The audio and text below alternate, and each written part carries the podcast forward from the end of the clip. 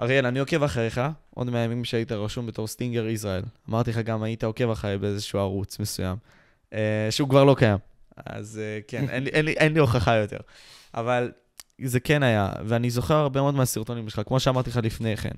אה, אני זוכר את הסרטונים על המעבדה, אני זוכר גם כשנכנסת לפעם ראשונה לפרלמנטום, והרמיט קראפט, אקו משרום, כל מיני כאלה, התקופות השונות הללו. ואתה יודע, עם הזמן התפתחת. תספר לי איך בכלל התחלת את האגדה הזאת של סטינגר, סטינגר ישראל. כן, וואו, אה, המון זמן עבר. שמונה שנים, אחי. אנחנו מדברים, אנחנו מדברים על ה... אה, אתה יודע, אני זוכר את התאריך מאוד מדויק, כי אחרי זה הוצאתי גם שיר על, אה, אני חושב שזה היה ב-10,000 רשומים, והתחלתי ב... התחלנו בשני בנובמבר, אה, ואז המשכתי את השיר בלי לדעת מה מעבר, זה חרוז. וזה ממש נכון, כי כשהתחלתי, אה, באותה תקופה להיות יוטיובר, קודם כל זה לא היה, לא היה דבר שהוא מאוד מאוד ידוע, זה לא היה דבר שהוא מאוד מאוד נפוץ, והקהילה הייתה סופר קטנה. כאילו סופר קטנה ברמה שהסתכלתי על יוטיובר שיש לו 2,500 סאבים ואמרתי, וואו, הוא גדול.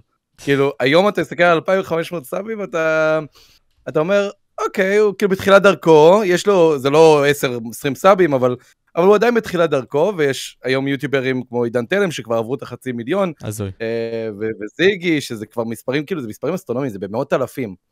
אה, זה כבר כמה play אה, button ים, כאילו, אתה, אתה לפעמים סופר את זה לפי כמה play button ים זה, כי play button זה 100 אלף.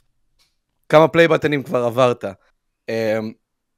ובאותה תקופה, 2,500 סאבים, אני זוכר שהייתי מסתכל על, על היוטיוברים האלה, ואני זורק שמות כמו XDR Game, ש, שעדיין ניסו לעשות קאמפק פה ושם, אה, ולא הכי עבד להם, אה, אבל 2,500 סאבים זה היה מספר שאני זוכר שהסתכלתי עליו ואמרתי, זה הרבה. והיום, נכון ליום זה, אני ב-88,000, וכאילו, אתה, בהתחלה אתה לא חשבת לאן תגיע. אתה תמיד יכול לשאול, אה, וזו שאלה מאוד מאוד מפורסמת, האם חשבת שתגיע לאיפה שאתה היום, וכולם יגידו, אין סיכוי. יכול להיות שחשבתי שאני, שאני אעבוד קשה כדי להגיע למספרים גדולים, אבל האם הם יוכלו לתת לך בדיוק את המספר שהם חשבו או שמו כיעד להגיע אליו?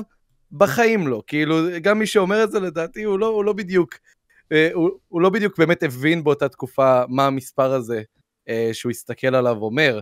אה, אבל אתה פשוט מסתכל על המספרים בהתחלה, אה, והקהילה מאוד קטנה, אה, כאילו אלף צפיות זה, זה, זה זוכר, העליתי סרטון והוא הגיע ל-500 צפיות, אגב למה?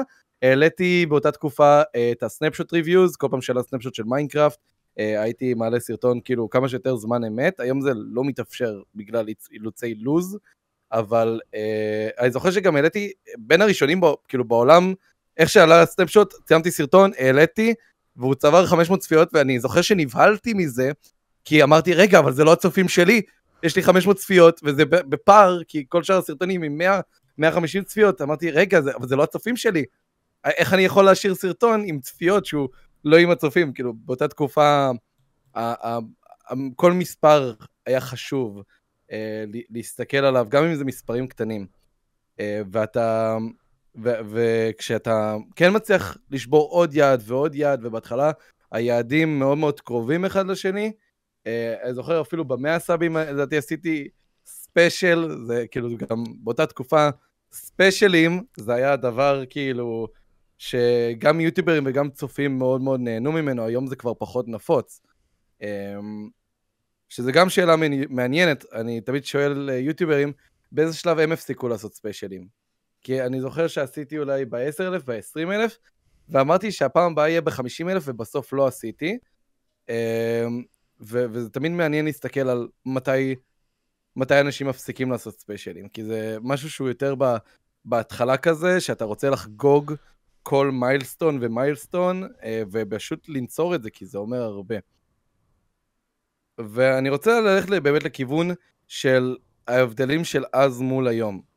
Uh, דיברנו על, שהיה לי סדרה על המעבדה, שזו הייתה סדרה שאני מצלם בשרת בשם הייב uh, MC, שהיום לדעתי הוא כבר לא קיים, הוא נסגר, שזה קצת באסה, uh, והרבה כתבו לי בתגובות שהייב נסגר, ו- וזהו, לא יהיה סיכוי יותר למעבדה, אבל אני אסתכל על הסדרה הזאת, זו סדרה שפשוט אתה נכנס למשחק, uh, המשחק כשלעצמו, יש לך את השלושה סיבובים בכל מיני משחקים שונים, זאת אומרת שאין פרק שהוא בדיוק אותו הדבר, ו- ואני כיוטיובר מגיב למשחקים ומשחק ו- ומעביר את, את חוויית הגיימפליי שלי, והיום uh, להכין סדרה, uh, וכאילו שיהיה לך סדרה בערוץ שאתה דובק בה, שאתה ממשיך אותה, זה הרבה יותר קשה.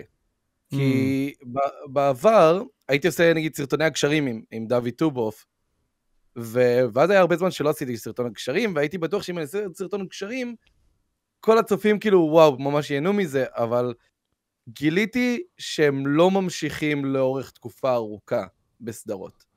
אמ, זאת אומרת שיכול להיות שלאחרונה אפילו התחלתי סדרה, עשיתי פרק ראשון, עבד מצוין, עשיתי פרק שני, הקהל עדיין איתי, אמנם בדרך כלל זה לא אותם מספרים כמו הפרק הראשון, כי אנשים כאילו רוצים לדעת האם הם ממשיכים לעוד פרק, אמ, אבל היום המספר שהולך ונהיה נמוך יותר מפרק לפרק, הרבה יותר קשה להשאיר אנשים, וברגע שהצלחת, אה, ואני אסתכל למשל על אה, עידן תלם שעשה סדרה על מיינקראפט, והוא כן הצליח להשאיר את, המספרים גבוהים בהמשך הסדרה, אבל זה הרבה יותר קשה היום. כאילו פעם יכלתי להתחיל סדרה על דבר הכי שטותי, ואנשים היו ממשיכים את כל הסדרה יחד איתי. אה, כאילו, היום אפשר להסתכל על אה, הסדרה הכי ארוכה שעשיתי בערוץ שלי, שזה השודד המכוניות הגדול, זה היה בעצם ה-GTA, אה, שבו בעצם לקחתי את הקמפיין, את הסטורי, את ה... את ה-GTA בהתגלמותו, ולקח לי שלוש שנים לסיים להעלות את, ה, את הסדרה הזאת, שזה כאילו... בחיים לא חשבתי שזה ייקח שלוש שנים כשהתחלתי את הסדרה. וגם לא, מי חשב שאתה תמשיך לצלם את אותו משחק? שלוש שנים. Uh, ואז התחיל באמת ה... ובשלוש שנים בעצם קורה השינוי הזה, מסדרות שהצופים בהם עדיין ממשיכים ונשארים uh, כל פרק ופרק, כי הם פשוט אהבו את הפרק הראשון, הם פשוט ממשיכים לצפות בעוד פרק, לבין uh, תקופה שאתה צריך קצת יותר להילחם עם הצופים שלך לזה שהם ימשיכו לאהוב את הפרקים האחרים בסדרה. ו-GTA, איכשהו הגעתי לסוף, באמת, אני לא יודע איך הצלחתי בסוף לסיים את זה, זה היה סוג של יעד ששמתי לעצמי של די, אני, אני חייב פשוט לעשות את זה על בסיס שבועי, לעלות פרק בשבוע ולסיים את הסדרה, ובסוף סיימתי, שזה שוק. Good on you. איפה הספיישל? ומה? ה special מה? סיום... אה, special סיום GTA? כן, לחגוג את המטרה. לא, אבל אה, אני, אני אגיד לך איפה אני תופס את זה, נגיד סתם אתה אמרת לי, ו, וזה מאוד מעניין. בתחילה של, לדעתי ככה, בתחילה של כל פרויקט או כל מדיה חברתית, הרף הוא נמוך. כלומר, לא משנה עד כמה אתה תהיה מגניב, לא מגניב, יש מצב שאתה תצליח גם בקלות, גם בלי להתאמץ. עכשיו, זה לא מוריד ממך וזה לא מוריד מכל היוטיוברים שהיו באותה תקופה. פשוט הרף הוא בינתיים נמוך. עכשיו, זה מעניין מה שאתה אומר, כי אם כי אמרת לי, תשמע, הייתי יכול לעלות כל סדרה פעם, וזה התופס. עכשיו לדעתי, ופה תס- תקן אותי אם אני טועה, כן? הגירוי של אותם צופים, בגלל שהם רגילים לרמה ולשיפור, הם כבר לא יכולים לראות את זה, therefore, הם רוצים משהו שימלא להם את הצרכים שלהם. אז כל פעם אתה צריך לשפר את הגירוי, בכדי שהם יחזרו לך במהירות. כן, זאת אומרת שהכיוון של סדרה תמיד צריך אה, לגרום לצופה להבין שהוא רוצה לראות עוד פרק מזה. אה, ואני צופה אפילו בעצמי, אוקיי? אני מעיד על עצמי לפעמים כצופה, כי הדרך הכי טובה ליוטיובר, לדעת איך לעשות יוטיוב, זה לחשוב מה אתה כצופה, אגב, בכל תחום של עולם העסקים, איך אתה כצרכן, אה, מה היית אתה רוצה לראות בתור צופה, ואז לפי זה תיצור את התוכן שלך. אה, ואני צופה ביוטיובר שנקרא Real Civil Engineer, שהוא יחסית חדש, ובקצרה אה, זה אה, מישהו שפעם עסק בתחום האנג'ינירינג, ההנדסה של כבישים מהירים וכאלה, והיום הוא עושה סרטונים על משחקים שבאים מהעולם הזה, על uh, כאילו באמת משחקים מאוד מאוד פשוטים. ואני כצופה פתאום שם לב שיש משחקים בסדרות שאני רואה אצלו, שאני פשוט מחכה, אני באמת בודק על בסיס יומי מתי הוא יעלה את הפרק הבא של הסדרה. ו... ואמרתי, אם הוא עשה את זה נכון, כנראה, כנראה באמת יש איזה משהו שאני כצרכן, כי אני כיוצר תוכן צריך לגרום לצופה להבין שהוא רוצה לראות עוד פרק, שהוא רוצה לצרוך עוד מהתוכן הזה. אה, וזה קשה למצוא באמת את הסדרה שעובדת, כי לא כל סדרה שלו שאני רואה פרק אחד אני ממשיך לשני. אה, זה יכול אולי להעיד הרבה עליי כ- כצופה, אולי אני אוהב, לא יודע, משחקים מהסגנון הזה לראות, ואנחנו מדברים פה כמובן בקונטקסט של אה, תכני גיימינג כמובן. אה, כי ב- בתכנים אחרים זה יכול לעבוד שונה, אבל בתכני גיימינג, כשאתה עושה סדרה, אה, אתה באמת צריך לגרום לצופה להבין שהוא אוהב את התוכן הזה, ושהוא רוצה לראות עוד, וגם לדעת כיוטיובר, מתי זה, זה לא כאילו שווה את הזמן שלך. ופה מגיעה לפעמים אכזבה של צופים, וכל יוטיובר יגיד לך את זה, שיש מיעוט נורא קולני לכל יוטיובר, שרוצה את הסדרה הספציפית הזאת לעוד פרק, והוא ילך לכל סרטון וסרטון שלך, וישאיר תגובה, ויעשה הרבה מאוד רעש, אה, ואז, כאילו, אתה יוטיובר, אתה מסתכל על תגובות, אתה מקבל את הפידבק, ואז אתה אומר, רגע, למה שאני לא אעשה עוד פרק? וזה בדיוק מה שקרה לי עם הקשרים, כאילו, כולם אמרו לי, תעשו עוד קשרים, תעשו עוד קשרים. ואז אתה מעלה את זה ואתה רואה שכאילו, זה, זה סרטון עם קצת צפיות, זה לא באמת מה שאנשים רצו, ו, ואז אתה מבין את, הקטע של המיעוט הקולני הזה, לפעמים גורם לך לעשות את ההחלטות האלה, שזה לא מה שהרוב רוצה. זה לא בדיוק מה, שה, מה שהרוב מעוניין להמשיך לראות. אה, וזה לפעמים הדילמות שלך בתור יוטיובר למה התוכן הבא שאתה תעשה, האם אתה תקשיב למיעוט נורא קולני, או לפעמים זה יכול להיות גם רוב, כן? אתה יכול גם לטעות ו- ו- ו- וזה באמת יהיה הרוב. אה, אבל לפעמים אתה פשוט נופל למיעוט הקולני, אה, שעושה הרבה רעש, ולפי זה אתה מעלה עוד סרטון, ואז אתה פתאום רואה שזה לא מה שכולם רצו. Mm, זה מזכיר לי מאוד uh, אנקדוטה כזאת, כאילו דוגמה. בן אדם בא והולך לחנות רכב, ו-90, ו... הוא אמר 100% אני קונה את הרכב, סבבה? 100%. עכשיו, הוא עבר ליד אה, אותו רכב שהוא רצה לקנות, ופתאום בן אדם בא ויצא ואמר, איזה רכב חרא זה? איזה שירות חרא יש במקום הזה? אז בגלל דוגמה אנקדוטית, בגלל הדוגמה הספציפית הזאת, הוא בחר לא לקנות את הרכב, וגם לא באותו מקום. אז הוא שינה בגלל תגובה אחת. את שתי הדברים שהוא רצה לעשות. עכשיו, בדוגמה שלך זה לא אותו דבר, אבל הכוונה שלי, יוצרי תוכן, ופה תתקן אותי אם אני טועה, נוטים להסתכל על אותו מיעוט, ולעשות דברים מרגש, ולא לחשוב על איך באמת לכוון לקהל הכוללני. הרוב. Uh, תראה, קודם כל יוטיוברים פועלים, כל יוצר תוכן באשר הוא, לא משנה אם זה בתחום היוטיוב, זה יכול להיות גם... Uh, uh, זה טעות רק לחשוב ש, שזה רק ביוטיוב יש יוצרי תוכן, יש יוצרי תוכן בכל מקום, במשרדי פרסום גם. יוצרי תוכן הם בכל מקום. ויוצרי תוכן הם פועלים מרגש, מ- גם משום זה, גם קוראים לזה מקצוע הומני. יצירת תוכן זה הומני, זה אומנות. Uh, ואומנות יוצרים מרגש. Uh, ורגש, זה דבר באמת שכמו שאתה אומר, זה יכול ליצור לך, כאילו, תמיד אומרים שאם יוטיובר יכול לראות אלף תגובות טובות ותגובה אחת תהרוס אותה יום, אה, אז בדיוק על אותה השפעה, כאילו תגובה, לפעמים אתה יכול להסתכל על, על, על הדברים הקטנים, ולפי זה גם לשנות את כל מה שאתה עושה. אה, יש לי אה, קולגה שלפעמים הסתכלה על, אה, על ה... באמת על התגובות הקטנות, שבגללם אנשים, לא יודע, מורידים סאב או משהו כזה, ואז היא רצתה, בגלל הכמות הקטנה, לשנות את התוכן. אבל אה, דווקא להפך, אתה אמור להסתכל על מה שהרוב אוהבים ורוצים. אתה צריך לכוון לשם, לא למנוע מהמיעוט הקטן שמוריד את הסאב, אלא להסתכל על, על למה אנשים כן נותנים את הסאב. כאילו, למה אנשים כן רוצים לראות את התוכן. אה, ובאמת, לפעמים אתה, אתה לא מבין את זה, אתה, אתה מסתכל על הדברים הקטנים, כי אתה, אתה רוצה להיות מושלם. כאילו, אתה רוצה להיות מושלם מבחינת הקריירה שלך ביוטיוב, אתה רוצה לעשות ש-100% מהקהל שלך אוהב את התוכן. אבל זה לא נכון להסתכל על זה. אף פעם לא 100% מהקהל שלך יאהב את התוכן. ולרוב, כאילו, יוטיוברים לפעמים עושים סגנונות שונים של סרטונים, ואני אחזור לאותה דוגמה של אותו יוטיובר שצפיתי בו, והוא עושה אה, כמה סדרות. באמת אפשר להגיד שאולי שליש מהסדרות, והוא מעלה יומי, שליש מהסדרות, אני אוהב וממשיך לראות, אבל יש לו שני שליש שכאילו אני נכנס ואני משתעמם. אמ, וצריך לכוון, לראות, כאילו לעשות את הבלנס של לתת לרוב את מה שהוא רוצה, ולנסות, לא לגרום לזה שזה יקבל את ההחלטה, אבל לנסות כן לרצות את שאר האנשים, כשזה קריטי, אבל תמיד לכוון אה, לרוב. אה, כי בסופו של דבר, הם מי שאוהב אותך, הם מי שימשיך לצפות בך, הם מי שיהיה איתך גם אם כאילו...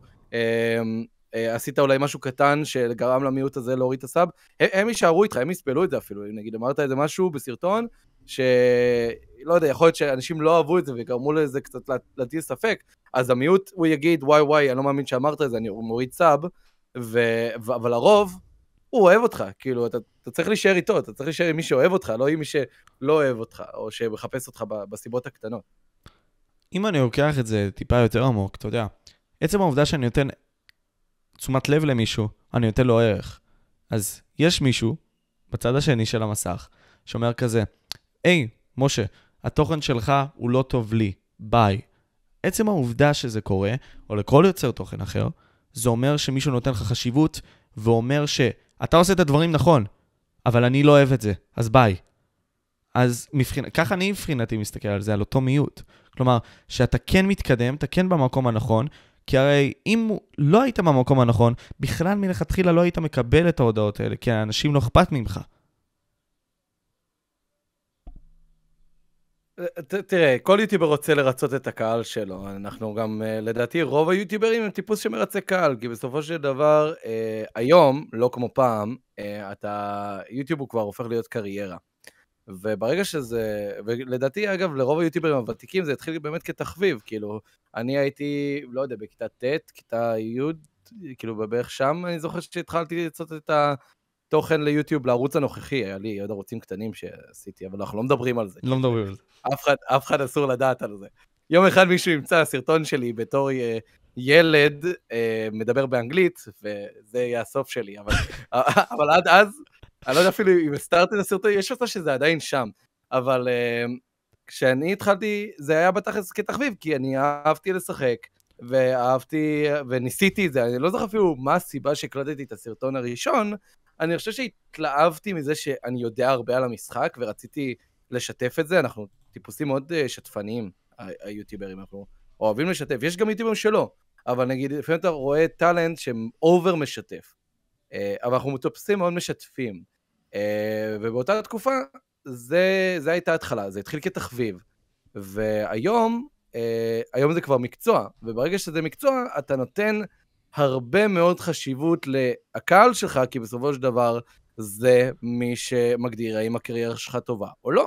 אני יכול ליצור תוכן לעצמי, יש כאלה ש, שעושים אה, כל מיני film productions, כל מיני סרטים קצרים, ובסוף זה לא עולה לשום מקום, אבל הם עושים את זה לעצמם, כי הם אוהבים את היצירה. אה, זה כמו, זה דומה קצת ל- לכתוב למגירה, אנשים שכותבים שירים, אבל הם לא מפרסמים את זה, זה נשאר במגירה שלהם. אה, אז אז ככה גם, כאילו, יש כאלה, אבל ברגע שאתה יוטיובר, אתה במרחב הציבורי, אתה, יש לך קהל, אם הקהל לא יאהב את מה שאתה עושה, את, ואתה אוהב את מה שאתה עושה, אז יש פה קצת בעייתיות, כי בסופו של דבר, אם אין לך קהל ביוטיוב, קצת קשה להגדיר אותך כיוטיובר, כאילו, קצת קשה להגדיר אותך כיוטיובר עם קריירה. אה, כי אי אפשר להתעלם מהעובדה שקריירה, זה בא מכאילו לייצר כסף, הכנסה שתגרום לך לחיות חיים. אה, ויש כאילו הרבה מאוד דעות לדעתי ביוטיוב לגבי אה, יוטיוברים שכאילו עושים צעדים שבתכלס מכניסים להם כסף, אבל אתה, אתה כצופה, יש צופים שהבינו את הרעיון הזה של יוטיובר צריך לעשות כסף, אין מה לעשות, אם הוא רוצה להמשיך לעשות יוטיוב, ויש כאלה שבאים נגד זה, שכאילו, וואו, איבדת את הערכים שלך, איפה ה... כאילו, למה אתה לא עושה יוטיוב אה, לכיף? איכס ממוסחר. ו... בדיוק, איכס ממוסחר, וכאילו לפעמים אין מה לעשות, אתה חייב את המסחור הזה, כי אחרת, אם אין לי את המצלמה המקצועית ואין לי את המחשב שיעבוד, ואין לי, בוא נגיד את זה ככה, אני אלך אפילו טיפה יותר רחוק, אין לי כסף לשלם על שכר הדירה שלי, או אין לי כסף לשלם על האוכל במקרר שלי. אז איך אני אמור להמשיך לעשות יוטיוב? כאילו, איך אני יכול להמשיך ליצור תוכן אם התנאי המחיה הבסיסיים שלי אני לא יכול אה, לממן אותם. ואז כאילו מה שקורה, כשיוטיובר מבין שלא פה הקריירה שלו, ושיש מקום שהוא יכול לממן את עצמו בצורה יותר טובה, ובוא ניקח את דוגמה למשל, אה, ארי נראה לי. כן. כן, מקריטה שאומנם בא מהעולם של, ה, של התכנות, ואפשר לקחת גם את מר שיבוית, שהיה מאוד בעולם ההייטק, ועבר ליוטיוב כי הוא אהב את זה יותר, לא בגלל שיקול כלכלי, בהייטק עושים יותר, זה ברור, זה ידוע, זה גם הכנסה יציבה. אתה עובד מ-8 עד 5, אתה יודע בדיוק מה, מה תרוויח בסוף החודש, אתה יכול לתכנן את החיים שלך. אה, ומקריטה, אה, כששמעתי על זה שהוא סיפר לי, אז זה כן היה קצת צביטה, כמו לכל הצופים שלו לדעתי, אבל אתה חייב להבין, אם אתה לא יכול להסתכל קדימה ולראות את עצמך ממשיך לעשות את זה, אז אתה יודע שאתה יכול להתעלם מתנאי המחיה הבסיסיים שלך, ואתה תגיע למצב רע, ואז בכלל לא תוכל לעשות יוטיוב.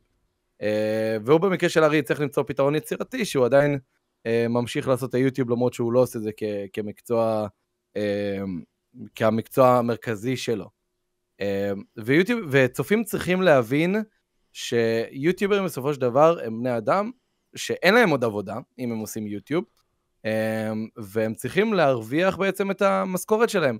אז לפעמים רואים קצת פרסומות, אוקיי? זה, זה באסה, אה, אבל לדעתי היום ליצור פרסומות מהצד של יוטיוברים הוא הרבה יותר, אה, אגב, מעודן. אני זוכר שבעבר, כדי להשיג את ה... אה, להשיג איזשהו פרסומת שעשיתי, הייתי עושה סרטון שלם שהתוכן סובב סביב הפרסומת. וזה, וכאילו לא היית מרוויח את זה כמו שהיום היית מרוויח על סרטון באורך שלם, והיום הרבה יותר מעיזים להגיד, הסרטון הזה הוא בחסות, זה, זה, זה המוצר, אה, ותודה רבה להם, כאילו, ואתה ממשיך בתוכן שלך. אה, והפרסומות הרבה יותר מעודנות, אה, והרבה יותר קצרות, ולפעמים אפילו יותר ברורות, כי יוטיוברים כבר לא רודפים אחר כל קמפיין וקמפיין, אלא יש להם יותר את ה-say לעשות את הבלנס בין תוכן לפרסומת, ולדעתי זה משהו, נקודה ש, שעושים אותה טוב.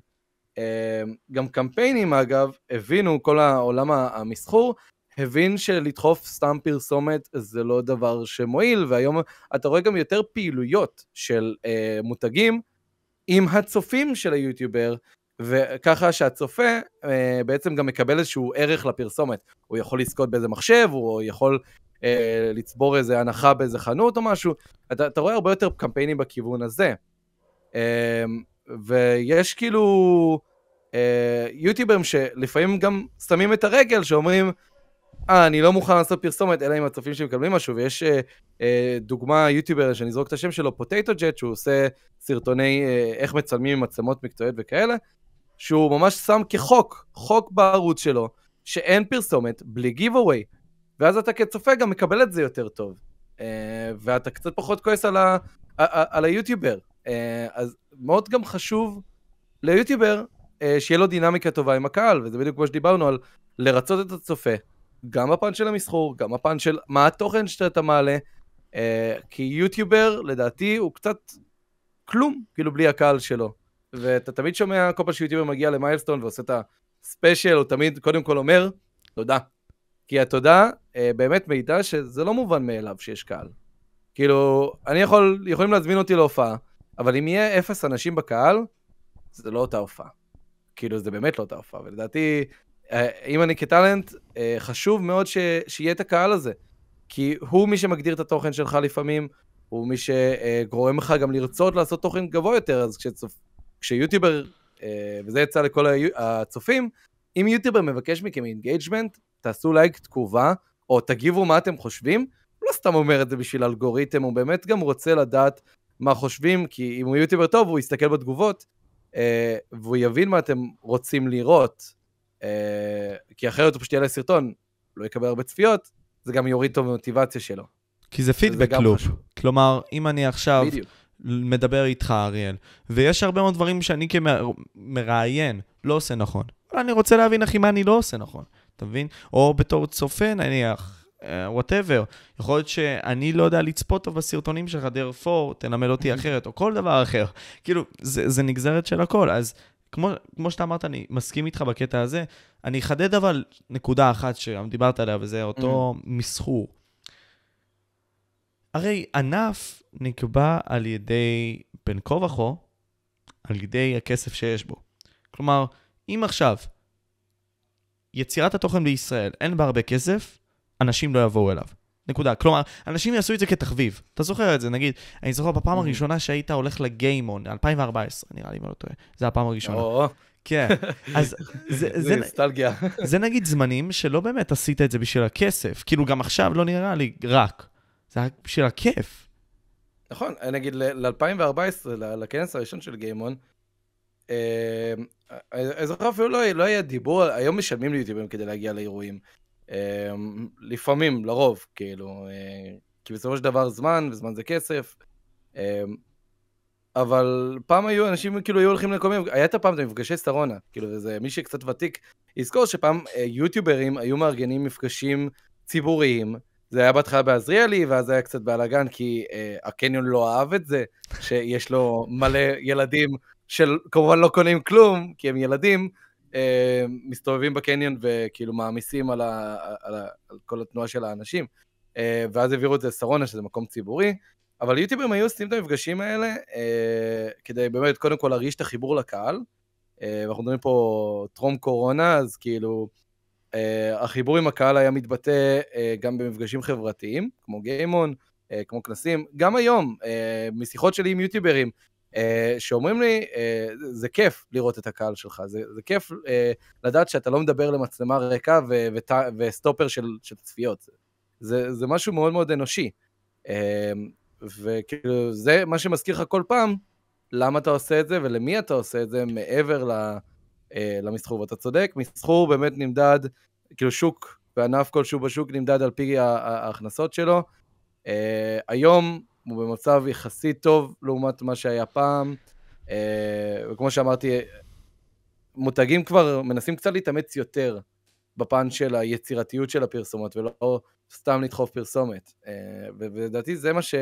שמעניין יותר גם כצופים וגם כמותגים. כאילו, אני, אני אוהב מותג שעושה לי פרסומת שהיא יותר פעילות מאשר, אה, מאשר סתם אה, פרסומת של אה, דקה וחצי. למשל, אני אתן דוגמה פה מה, מהקריירה שלי. אמ, ואני אתן טיפה הקדמה לפני זה, שעם השנים, בגלל שאתה צריך ליצור לעצמך איזושהי הכנסה, אה, אני לא עושה רק יוטיוב, אני גם מפיק תוכן אה, מאחורי הקלעים. זאת אומרת, היה את האירועים ש... שעשינו כמו, אה, נתחיל מקראפט סיטי, שזה הפרלמנטום, שזה הקהילה שאני ייסדתי ואני מוביל, ודעתי גם הפודקאסט של חתים דיבר על זה, על הפרלמנט, וגם עם טובוף. אז אני כן, אני אעשה את הקהילה יחד עם טובוף, ואנחנו עובדים גם בפן של הפקת תוכן. אז עשינו אה, את קראפט סיטי, שזה היה אירוע של 2,000 איש, אוקיי? זה, זה לא הרבה במספרים שאני תכף אגיד, אבל זה היה אה, אירוע מאוד מאוד כיפי, אה, של חיבור עם הקהל, של... גם היה חשוב לעשות גם פעילויות בו, אוקיי? זה היה לא סתם מופע, זה היה כנס, זה היה... אה, היה בו כל מיני משחקים שהכנו, שהם בנושא מיינקראפט. אה, ואחרי זה המשכנו גם להפיק תוכן למופעים גדולים, כמו מיינקראפט אול סטארס, שזה, אה, שאני וטובוף היינו חלק, אה, אני, אני אגיד, עשינו את כל הפן של תוכן, ב, כל מה שראו על הבמה, כל מה שקרה על הבמה, זה, זה היה התוכן שאנחנו יצרנו, כמובן בשילוב עם הבמאי, אה, אבל זה היה תוכן שאנחנו יצרנו. אה, אבל, ו, ואז המשכנו למיינקראפט נגד פורטנייט, שזה גם אירוע שאנחנו עשינו. אה, והנקודה שבעצם אה, רציתי להגיד, זה ש... אני חושב שקצת איבדתי את הנקודה שלי, אז תן לי רגע, אני אחזור. להצעה, נראה לי, זה ה... כן, אנחנו עושים הפקות תוכן, אוקיי, אז אנחנו עושים הפקות תוכן למופעים ואירועים, אה, והיום אנחנו גם עושים הפקות תוכן למותגים. זאת אומרת שפרויקט מאוד מאוד גדול שאנחנו עשינו, היה בעצם הפרויקט של אה, בזק, יחד עם קופה ראשית, במיינקראפט. וואו. Uh, וזה היה משהו שהוא קצת היה חסר תקדים, בעצם מה שעשינו, למי שלא ראה, זה לקחנו את הכוכבים של קופה ראשית, אה, נכתב תסריט, ובעצם צילמנו את זה במיינקראפט, ואז פתחנו את זה גם לפעילות, שבהם שחקני מיינקראפט, שזה קרי הקהל שלנו, אה, יכולים לבוא, להיכנס ולשחק בפעילות המיוחדת של בזק וקופה ראשית בהשראת הסרטון. וזה פעם לא היה דברים כאלה של אינטגרציה של תוכן ומותג אה, ברמה כזאת, לתוך עולם הגיימינג, כאילו תוכן יחד עם מותג בעולם הגיימינג, אה, ואני מאוד אהבתי את הכיוון של מותגים שנכנסים לעולם הגיימינג, ואתה שומע על זה יותר ויותר, אה, על, אה, כמו הקמפיין של בזק, שזה לא סתם פרסומת, אלא גם ממש פעילות עם פרסים, חילקנו שם איזה אה, עשרה זוגות, אה, עשר זוגות של Oculus Quest 2, אה, שזה הרבה יחסית לפעילות, זה מאוד מרשים ומאוד יפה שהצלחנו להביא את זה. ואתה רואה באמת את העולם של פרסומות הופך להיות זה, אז כן, עלה סרטון שלם שמדבר על הפעילות, אבל מבחינת הצופה זה עדיין סרטון תוכן גיימינג שהוא רגיל אליו, זה שהוא עושה זה בתור חלק מהפעילות שגם הצופה יכול לשחק בו, זה אפילו מעלה את, ה, את הערך של, ה, של מה שהפרסומת הזאת, ואני שם בגרשיים פרסומת, כי זה היה קצת יותר מסתם בוא נפרסם לך מוצר, זה היה לחזק את החיבור של עולם הגיימינג עם מותגים. אה, וזה נגיד משהו שמאוד אהבתי שהתעשייה שלנו הולכת בכיוון שלו, ואני באמת מקווה לראות עוד כאלה, לא רק במיינקראפט, רובלוקס היום זה משהו שמדברים עליו הרבה, אה, ובכללי כל עולם, נקרא לזה המטאוורס, שאנשים אוהבים מאוד לדבר על המטאוורס, אבל אה, צריך לזכור, מיינקראפט זה פלטפורמת מטאוורס, רובלוקס זה פלטפורמת מטאוורס, והיום כבר עובדים על פלטפורמת מטאוורס שהן עצמאיות, New Horizons של פייסבוק, New Horizons? אני לא טועה בשם. נראה לי שלא. אני די בטוח שלא. משהו עם Horizons. בוא נחדד את זה בינתיים תדבר, אני מקסימום מחזק אותך. אה, אוקיי, אז... אה, אז אה, מותגים מאוד הולכים לכיוון הזה, אה, וכש, וגיימינג ומטאוורס זה, זה, זה חלק שהוא קצת בלתי נפרד, uh, כי הם קצת חופפים בתחומים מסוימים, בתחום הפלטפורמה ומה שאפשר לעשות בה.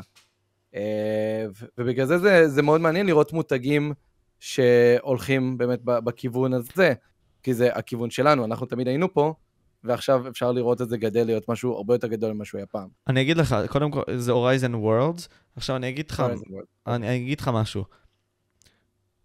מטאוורס, ודיברת עכשיו על כל הדברים הללו, זה מאוד מעניין. קודם כל, מה זה להיות יוצר תוכן במטאוורס? מה זה mm. להיות הבן אדם שיוצר חלק מהמטאוורס? זה מעניין, זה, זה לא לשקר, אנשים צריכים להתעמק בזה. אני אנסה גם להביא עוד מומחים, כי הבאתי כמה כאלה, עוד לא העליתי אותם. צריך להבין משהו. כאילו, מעניין אותי איך אתה חושב על זה. אתה יוטיובר של מיינקראפט, אתה מבסס נגיד את אממ. עצמך בנישה הזאת. והרבה מאוד אנשים מבססים את עצמם בכל נישה. אני, אני, אני, יש, פעם היו אומרים, אה, הוא יוטיובר מיינקראפט, אה, וזה לא תמיד נכון, יש כאלה שמעלים רק מיינקראפט, ובכל זאת יוטיובר גיימינג. אני זוכר שפעם היו מנסים להפריד בין גיימינג ומיינקראפט, ואמרתי, זה, זה לא נכון, מיינקראפט זה גיימינג, כאילו, זה, זה חלק מהעולם, זה משחק, איך עוד תסביר את מיינקראפט. אה, אני יוטיובר מבוסס מיינקראפט, זה לא שאני לא עושה משחקים אחרים, אני כן, אני פשוט אוהב מיינקראפט ולכן אני אעשה את זה יותר. אה, כמו שפעם אהבתי GTA והייתי עושה את זה יותר, אני מבוסס כרגע מיינקראפט כי זה רוב התוכן. אהה. השאלה שלך הייתה? השאלה שלי הייתה בעצם, כאילו, איך אתה חושב ואיך אתה מעלה לדעתך, כאילו, כל העניין הזה של להיות יוצר תוכן באותו מטאוורס. כלומר, אתה בונה את התשתית שלך עכשיו, בתור סטינגר ישראל, בפוטנציאל להיות הבן אדם שלא יודע, אולי יחיה בעולם, שאם אתה תשים, אה, אוקיי, אה, פשוט VR, אתה תוכל לפגוש את הצופים שלך literally.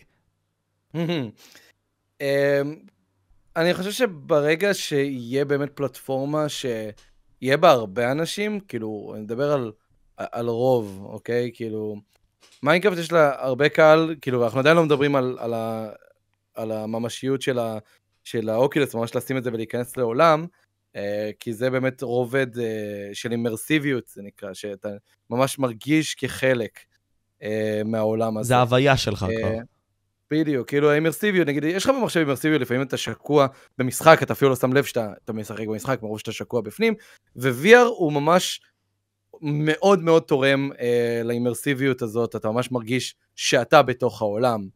אה, ואני חושב שאם אנחנו מסתכלים קדימה, ובהנחה שמטאוורס יתפוס, אה, ושהרבה אנשים אה, יאמצו את זה, כי זה לא מספיק שמישהו יעשה את הטכנולוגיה, זה צריך שגם שאנשים יאמצו אותה. אה, ואם באמת, בהנחה שבאמת כולם ימצאו אותה, ויש הרבה מאוד אנשים שימצאו אותה, וזה הפך להיות דבר מאוד מאוד גדול, כיוצר תוכן, אז קודם כל, כמו שאמרת, מפגשים ציבוריים כיוצר תוכן, אה, אולי אפילו מופעים, אוקיי? היום אנחנו עושים מופעים על במות אה, גדולות מול 15-17 אלף איש, אה, כמובן בסיבובים, אבל מול כמויות כאלה.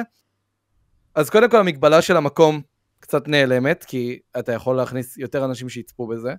אה, אם ניקח לדוגמה את הדוגמה הידועה של אה, ההופעה של אה, טראביס סקוט בפורטנייט, זה, אפשר לקרוא לזה הופעת מטאוורס, כאילו אנשים התחברו וצפו בהופעה וכאילו, עזוב שזה לא באמת הבן אדם פיזי, אבל גם המטאוורס הוא לא בן אדם פיזי, אלא ייצוג של הבן אדם.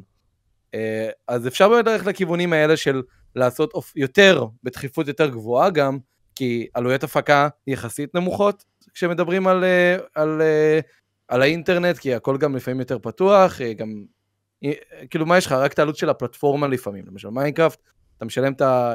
היום זה לדעתי 80-90 שקל לעותק, וזהו, כאילו כל מה שיש בו, free of charge, כמובן אם יש עלות נוספת זה כבר בנפרד. אה, אז מפגשים זה דבר מאוד אה, שאפשרי לעשות. אה, נגיד פעילויות בהשראת התכנים שאתה עושה, כמו למשל בזק, שאתה מראה סרטון, ואחרי זה מזמין את האנשים להיכנס לעולם הזה, זה גם משהו שהוא מאוד אפשרי במטאוורס. אני עכשיו לא מומחה של מטאוורס, אני חובב, קורא אה, פה ושם, אה, אבל אני גם לא מאלה שמכחישים את המטאוורס. יש כאלה שאומרים, גם על כל דבר, אה, קריפטו זאת בועה שתתפוצץ, ו- ואני לא מבין את כל האלה שקונים תמונה של NFT עם אם אתה יכול פשוט להוריד אותה, כאילו, אתה, יש תמיד את הבדיחה כן, איזה בזבזן מר שיבולת, הוא בא וקנה משהו מה... איפה זה היה? הוא קנה... כן, הוא, הוא קנה עכשיו Bored Ape Yacht Club, לא Bored, הוא לקח את השני, יש עוד אחד. כן. אה, אוהב את ה Apes, כן, אותו יוצר של ה Apes. או עומר אדם, שלא מזמן דיברו על זה שהוא קנה אה, את ה-NFT גם של Bored Ape Yacht Club, ואז גיא פודוליץ', העלה לאינסטגרם שלו, אני לא יודע אם ראית את זה, כן, את התמונה של, של, של, של מה שהוא קנה, ואמר, הנה, גם לי יש, כאילו, זו בדיחה מאוד ידועה. אה, אז אני לא מכחיש ואומר, כאילו, אה, זה סתם שטות, כי הרבה אנשים לא אוהבים שינויים, אה, ו- ושינויים זה דבר טוב, כן? כי זה אומר שאתה משתפר לכאן או לכאן, אבל אה, זה אומר שאתה עושה איזשהו שינוי, זה אומר שאתה... אה, אה, עובר איזשהו תהליך כלשהו, כי אם זה דבר לא משתנה, אתה נשאר במקום.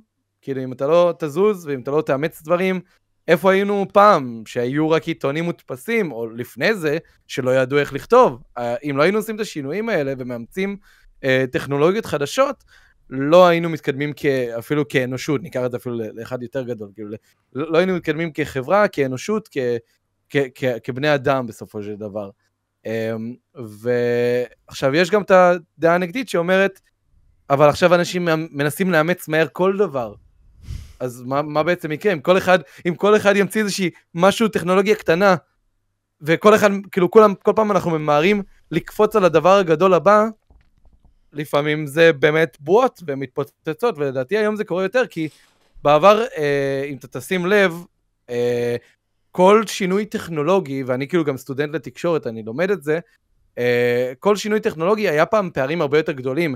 בין העיתון המודפס לרדיו, אה, והיום כאילו הקצב של הטכנולוגיה הוא הרבה יותר מהר. מהמעבר מווב 2, אה, שזה אומר שאתה יכול אה, להפיץ תכנים באינטרנט, לווב 3, שאתה יכול לסחור באינטרנט, הוא היה מעבר מאוד מאוד קצר בין הווב 1, שהוא היה נטו מעלים מידע לרשת ומישהו יכול לקרוא אותו, לא יכול להגיב חזרה. זה, זה הדורות של האינטרנט קוראים לזה. אה, אבל אנחנו הולכים ומצמצמים את הזמן בין כל אה, שיפור טכנולוגי, וזה מעניין כי אתה לא יודע מה הדבר הגדול הבא, ולפעמים אתה יכול להיתקע בתוך בועה, ואנשים יכולים לבזבז הרבה כסף על זה, אה, וזה בעצם הדעה שכרגע אומרים על NFT והמטאוורס לפעמים, שזה הכל רק בועה, ונאום אחד של צוקרברג זה לא מה שישנה את האנושות, יש דעות לכאן ולכאן, וזה מאוד מעניין לשמוע uh, את כל הצדדים. כי בסופו של יום אנשים צריכים להבין, uh, first movers advantage זה דבר אמיתי. כלומר, זה שאתה, אריאל, וגם דוד, נכנסתם בהתחלה, זה כבר נתן לכם איזושהי נחלה, ולא קטנה, כאילו חשוב mm-hmm. לציין. עכשיו, זה מאוד הגיוני, בגלל שאנחנו כל כך יודעים, ליפול על הדברים הראשונים האלה, וואי. רגע, אתה... מקבל את הנחלה הראשונה, וואו. therefore, אתה זה שמרוויח מהדברים האלה. עכשיו, אם אנחנו ניקח את זה לכל שאר העולמות, בגלל שאנחנו כאלה מיודעים, וגם אנשים רגשיים, אנחנו נופלים לאותם דברים כי אנחנו רוצים להיות אותם ראשונים. זאת אומרת, אנחנו נעשה הכל כדי להיות אותם ראשונים, כי אז הרווח הוא הכי גדול. זה גם בפונזי נכון. schemes, כאילו. אם אתה בהיררכיה יותר גבוה, ככה אתה מרוויח יותר. בעוד אם אתה למטה כבר, כאילו, אנשים כבר לא מרוויחים כמעט. אז לדעתי פשוט, בקטע הזה שאתה אמרת עכשיו, אנשים צריכים לחשוב, ו... אבל כן להבין את הטכנולוגיה. כלומר, לקרוא עליה, להבין את הבסיס. כי אם הם לא יבינו את הבסיס, הם לא ידברו את השפה של היום. ולא לדבר את השפה של היום, זה כמו לא לדבר עם הצופים שלך, בשפה שהם רוצים. נכון. אז בואו באמת ניקח את מה שאמרנו עכשיו לעולם שלי, כי בגלל זה אני פה.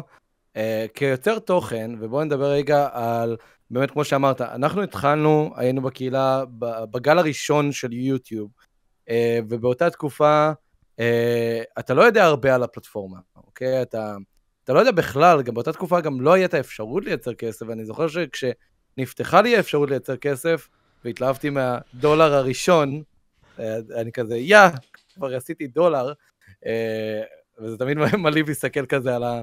וואו, זה מתחיל לייצר כסף. אה, אבל אתה כ- כיוצר, אה, כשאתה רק נכנסת ליוטיוב, אז אתה לא יודע כלום. כל דבר הוא חדש. מצד שני, גם יוטיוב בעצמם לא ידעו הרבה. ובאותה תקופה גם האלגוריתם לא השתנה הרבה, היום הם משנים את האלגוריתם לעיתים הרבה יותר תכופות, כי הם לא רוצים שאנשים יעלו על זה. כי ברגע שהבנת את האלגוריתם, אתה, אתה ניצחת, כאילו, במרכאות, ניצחת, כי אתה יודע מה אנשים אוהבים, מה אנשים אה, רוצים לראות. אה, אבל באותה תקופה השינויים גם היו איטיים, בדוגמה מה שאמרנו, שבהתחלה השינויים לוקח זמן בין, בין שינוי לשינוי, ואז הדברים נהפכים להיות מהירים יותר. באותה תקופה, אני חושב שגם היה לנו יותר זמן ללמוד על כל שינוי. אני מדבר בתקופה פעם לפני ששינו את האנד סקרינס, לפני זה היה uh, והיית יכול להשאיר הערות איפה שאתה רוצה, uh, היום זה uh, cards ואנסקנס, פיצלו את זה, אבל היית יכול להשאיר הערות בגוף הסרטון, uh, שעכשיו בדיעבד זה נראה לי כאילו סופר מוזר לדחוף הערה, אבל אני זוכר שהייתי פשוט דוחף הערה באמצע הסרטון, כאילו של, היי, hey, תיקון, אגב, יכול להיות שזה גם משהו שהיה טוב פעם, למשל, אם טעיתי בסרטון והעליתי את הסרטון, היום אין לי אפשרות לתקן את זה, אלא אם להעלות את הסרטון מחדש, אבל פעם יכלתי לשים הערה ולכתוב, זה לא נכון, אה, מה שנכון זה, כאילו, עדכון לסרטון, אה, אבל, אבל היום אין את זה, כי הבינו ש, ש, שאנשים משתמשים בפתקים האלה לרעה, אה, ואז חשבו על עניין ה cards, שזה i קטנה שקופצת, שהיום גם הרוב מתעלמים מזה, אה, וזה לטובה ולרעה, לדעתי כיוטיובר זה כלי מאוד טוב, כי כאילו היוטיוברים שיותר אה, מקשרים לסרטונים אחרים, אלא אם אני אומר, תלחצו פה על האי קטנה, יש פה סרטון שמדבר על זה יותר בהרחבה, אה, אז אף אחד לא ישים לב לזה. אה, ו- ו- וזה מה שמעניין כאילו של פעם לעומת היום. היום גם יש end cards, אבל אה, גם end cards, אני יכול להגיד לך שיותר ויותר יוטיוברים כבר לא משתמשים בזה. כי הם הבינו, ולדעתי לראשונה, מי שהוביל את השינוי התודעתי של איך סרטון אמור להיות בנוי, מיסטר ביסט למשל, הוא הבין שצריך להתחיל את הסרטון כמה שיותר מהר, לתת את התוכן, תוכן, תוכן, תוכן, תוכן, מהרגע שסיימת את התוכן, אתה צריך לסיים את הסרטון כמה שיותר מהר. כאילו, סיימת להגיד את מה שיש לך? תודה רבה צפיתם ביי, ככה. כאילו, ממש, באותה נשימה. כאילו, אוקיי, זהו, call to action אחד, וביי. קאט לסרטון. Uh, היום כבר אין זמן לשים אין סקרין, כי בעצם אתה מסתכל על הסטטיסטיקות, ואתה רואה, הצופים איתך, ואז ברגע שאתה מתחיל להגיד, טוב, זה היה הכל היום, אני אשמח שתעקבו אחריי ביוטיוב, מתחיל לנסוח, ממש מתחיל לצלול פנימה, אה, ואלגוריתם פחות אוהב את זה, הוא אוהב את זה שרואים אה, כמעט עד הסוף, כאילו, את האחוזים הגבוהים, בלי הנפילה הזאת בסוף. אז גם end screens, שבעבר, שהוא היה תחליף לפתקים, כי פעם היית שם פתק, היית מסמן, השטח הזה, אני רוצה שהוא יוביל לסרטון אחר. ואתה עדיין, אגב, אם אתה הולך סרטון אה, של פעם, אם הוא לא שם את ה end cards, אז אתה פשוט תראה, uh, אתה פשוט תראה thumbnail, כלום, כאילו פשוט ריבוע של thumbnail. Uh, וזהו, כאילו, ואי אפשר ללחוץ עליו, אי אפשר כלום, פשוט 15 שניות מתות של, של סוף סרטון כזה. אז גם שינויים כאלה בפלטפורמה עצמה, אז זה משהו שאני כיוטיובר שהתחיל אז, פתאום מסתכל ומנסה להבין, מה, מה עכשיו יעבוד יותר, כאילו, אוקיי, אין לי notes, שמו לי end cards, עכשיו end cards לא טוב, כי אני צריך לעשות את הסרטון מהר, אז איך אני יכול להפנות לסרטונים אחרים, כי אני רוצה שימשיכו לראות אותי? כאילו, זה אתגר חדש. אה, וזה מה שבעצם מעניין כיוצר תוכן שמתפתח לאורך זמן. הייתי חושב שאם אתה תנתח את עצמך, או אנחנו ננתח את עצמנו, אריאל, תוך כדי, אנחנו נוכל להבין איך אנחנו צריכים להתנהג בתור יוצרי תוכן. כלומר, כמו שאתה אמרת עכשיו, אה, לראות את הסרטון, ואם אני נהנה ממנו, אז אחלה, זה כבר טוב, זה כבר יש בזה משהו. אז נניח, אם הייתי רוצה אפילו לשפר אותך בתור יוצר תוכן, אז הייתי אומר mm. כזה לעצמי, אוקיי, מה הייתי רוצה שהיוצר תוכן הכי טוב שלי היה עושה בשביל לשפר את עצמו? אז mm. היית חושב על אופציות, ואז אולי היית מיישם את זה לך. כי אתה יודע מה אתה היית רוצה כאינדיבידואל, כבן אדם. כי אנחנו בני אדם בסופו של דבר. עכשיו, אני כיוטיובר, אני לא הייתי מעיד על עצמי כאחד שעשה את כל השינויים אה, להיום, אה, כי יש דברים שאני עדיין מנסה להבין האם דברים עדיין עובדים, כי אהבתי פשוט את איך שהם עבדו. אה, אבל גם בסרטונים האחרונים שאני מנסה אה, באמת לעשות את השיטה של להתחיל את הסרטון כמה שיותר מהר, בלי שלום לכולם, ברוכים הבאים לסרטון. אתה תשים לב שאנשים אפילו לא משתמשים ב... במשפט פתיחה שלהם, אני גם, היה לי משפט... שלום לכל נטילי הסקסי ולראות סרטון של של ישראל. ועם הזמן זה הפך והתקצר לשון נתינים, היום אני הולך לעשות ככה וככה, אה, היום אני הולך לבנות, פשוט אני מתחיל את התוכן כמה שיותר מוקדם. ושמתי את ההבדל, אה, את האמת בתגובה של יוטיובר של צילום שנקרא מרכז בראונלי, שפעם היה לו אה, משפט פתיחה, והיום, ואז הוא קיצר אותו, בדיוק את אותו הדבר, את אותו מגמה. הוא קיצר אותה ל- היי גייז, במקום וואטסאפ, MKBHD here, ואז הוא קיצר את זה היי וואטסאפ, ואז היום הוא כבר מתחיל את זה ב-alright, ואז מתחיל לדבר על, ה- על, ה- על, ה- על מה שהוא רוצה לדבר. alright, אפל לאנץ' ניסינג, כאילו זהו, כבר אני בתוך הסרטון.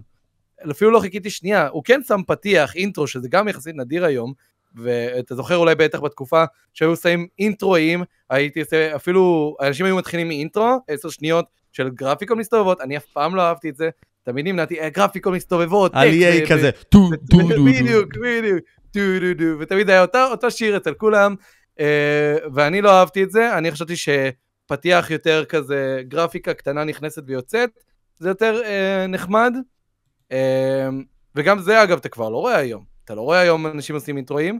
אה, חוץ מרייג' גיימינג. שעוד מעט יבוא לפודקאסט, אני לא יודע למה הוא עושה את זה, באמת שאני לא יודע. כאילו, למה אותו? זו שאלה מצוינת. למה ב-2022 אתה עדיין עושה את אותו הדבר, כידוע, אם הרבה באמת אה, עושים את השינויים. אגב, עוד שינוי שאני עשיתי בערוץ שלי, אם אנחנו מדברים עליי, אה, בהתחלה, הערוץ שלי היה נקרא סטינגר ישראל באנגלית, ואנשים שאלו אותי, למה סטינגר ישראל? אה, והסיבה הייתה, סטינגר כי זה היה הכינוי שלי, קיבלתי אותו כשהייתי משחק ב-GTA סן אנדרס מולטיפלייר, תקופה שכבר אחורה מאוד, אפילו זה היה לפני המיינקראפט, שם הגעתי, אה, וקיבלתי את הכינוי סטינגר, איזה אחד זרק לי את הכינוי הזה ואימצתי אותו. אה, זה הסיפור האמיתי ללמה קוראים לי סטינגר לכל מי ששואל, אז הנה יש לך פה את התשובה. Uh, וישראל, כי רציתי שאנשים ידעו, כשהם מדפדפים, שאני מישראל. כאילו, אני ישראלי, רוצה לדעת מי התוכן הישראלי. אני רוצה לראות תוכן מה, מהמקום שלי, בעברית. ואני גם הייתי מקפיד על לרשום כמה שיותר כותרות, וגם עשיתי שינוי, בהתחלה הייתי כותב uh, כותרות באנגלית, ואז הייתי משנה את זה לכמה שיותר עברית. ואז התחלתי לייעץ גם לחברי היוטיוברים, תכתבו את הכותרות בעברית, אל תכתבו Hypixel, SkyWars, תכתבו בעברית, הייפיקסל, סקייוורס, כי כשצופה רואה את זה במומלצים בצד או במסך הבית, אה, אז אה, הוא יראה את העברית, הוא ישר ילך, העיניים שלו ישר ילכו לעברית, כי הוא מבין עברית יותר טוב ממישהו שהוא מבין אנגלית, אם זה שפת אם, אה, אלא אם שפת האם אנגלית, ואז כאילו זה לא תופס, אבל בוא נלך על הרוב, הרוב מבינים עברית יותר מאשר מבינים אנגלית, יותר תופס להם את העין, כמו שאנחנו הולכים בחו"ל, והכל באנגלית, ופתאום יש שלט אחד בעברית של אה, הדפס, אה, כתיבה על גרגירי אורז. פתאום, כאילו, אתה רואה פתאום בעברית כזה, ואתה, העיניים שלך, לא יודע, זו הדוגמה שלי, בתאילנד, פתאום אתה רואה עברית. אחלה. לא, זה כמו אה, לא. לראות ישראלי, כאילו, תכלס, כזה out of... בדיוק. כן. יש לנו שמיעה סלקטיבית, אנחנו, אם פתאום נשמע איזה עברית, בין כל ההמון הזה, אנחנו נשמע את העברית יותר משנשמע את כל האנגלית מסביב. אז ככה גם היה ביוטיוב, אה, והשם של הערוץ שלי עבר לי את אה, סטינגר ישראל בעברית, אה, והשאלה זה פשוט אמרתי, אוקיי, אני ערוץ ישראלי, ואת האמת שזה עשיתי לדעתי אחרי, היה פעם קורס של יוטיוב שנקרא חממה של יוטיוב, המנטורית הייתה קרין אלדיה מטופ גיק, היה מאוד מעניין, עשיתי אותו קצת, קצת בשביל ה-name dropping, אור בן אוליאל, מיכל מצוב, כל, כל ה... באמת יוטיוברים באמת מוכשרים, הביאו קצת מכל תחום, ו, ולימדו אותנו קצת יוטיוב לעומק. ושם הבנתי, כשקרין שאלה אותי, למה, כאילו, למה סטינגר ישראל? ובאמת לא היה לי סיבה ל... אמרתי, וואלה, לא יודע. כאילו, לא יודע למה סטינגר ישראל, ואז שיניתי את זה לעברית. אה, כי לא הייתה, לי, לא הייתה לי סיבה טובה. ואני תכף אגיד למה זו הייתה הסיבה, כי שיניתי את זה לעברית, ואחרי זה הרבה מאוד זמן הייתי סטינגר ישראל, וככה היו יודעים אותי.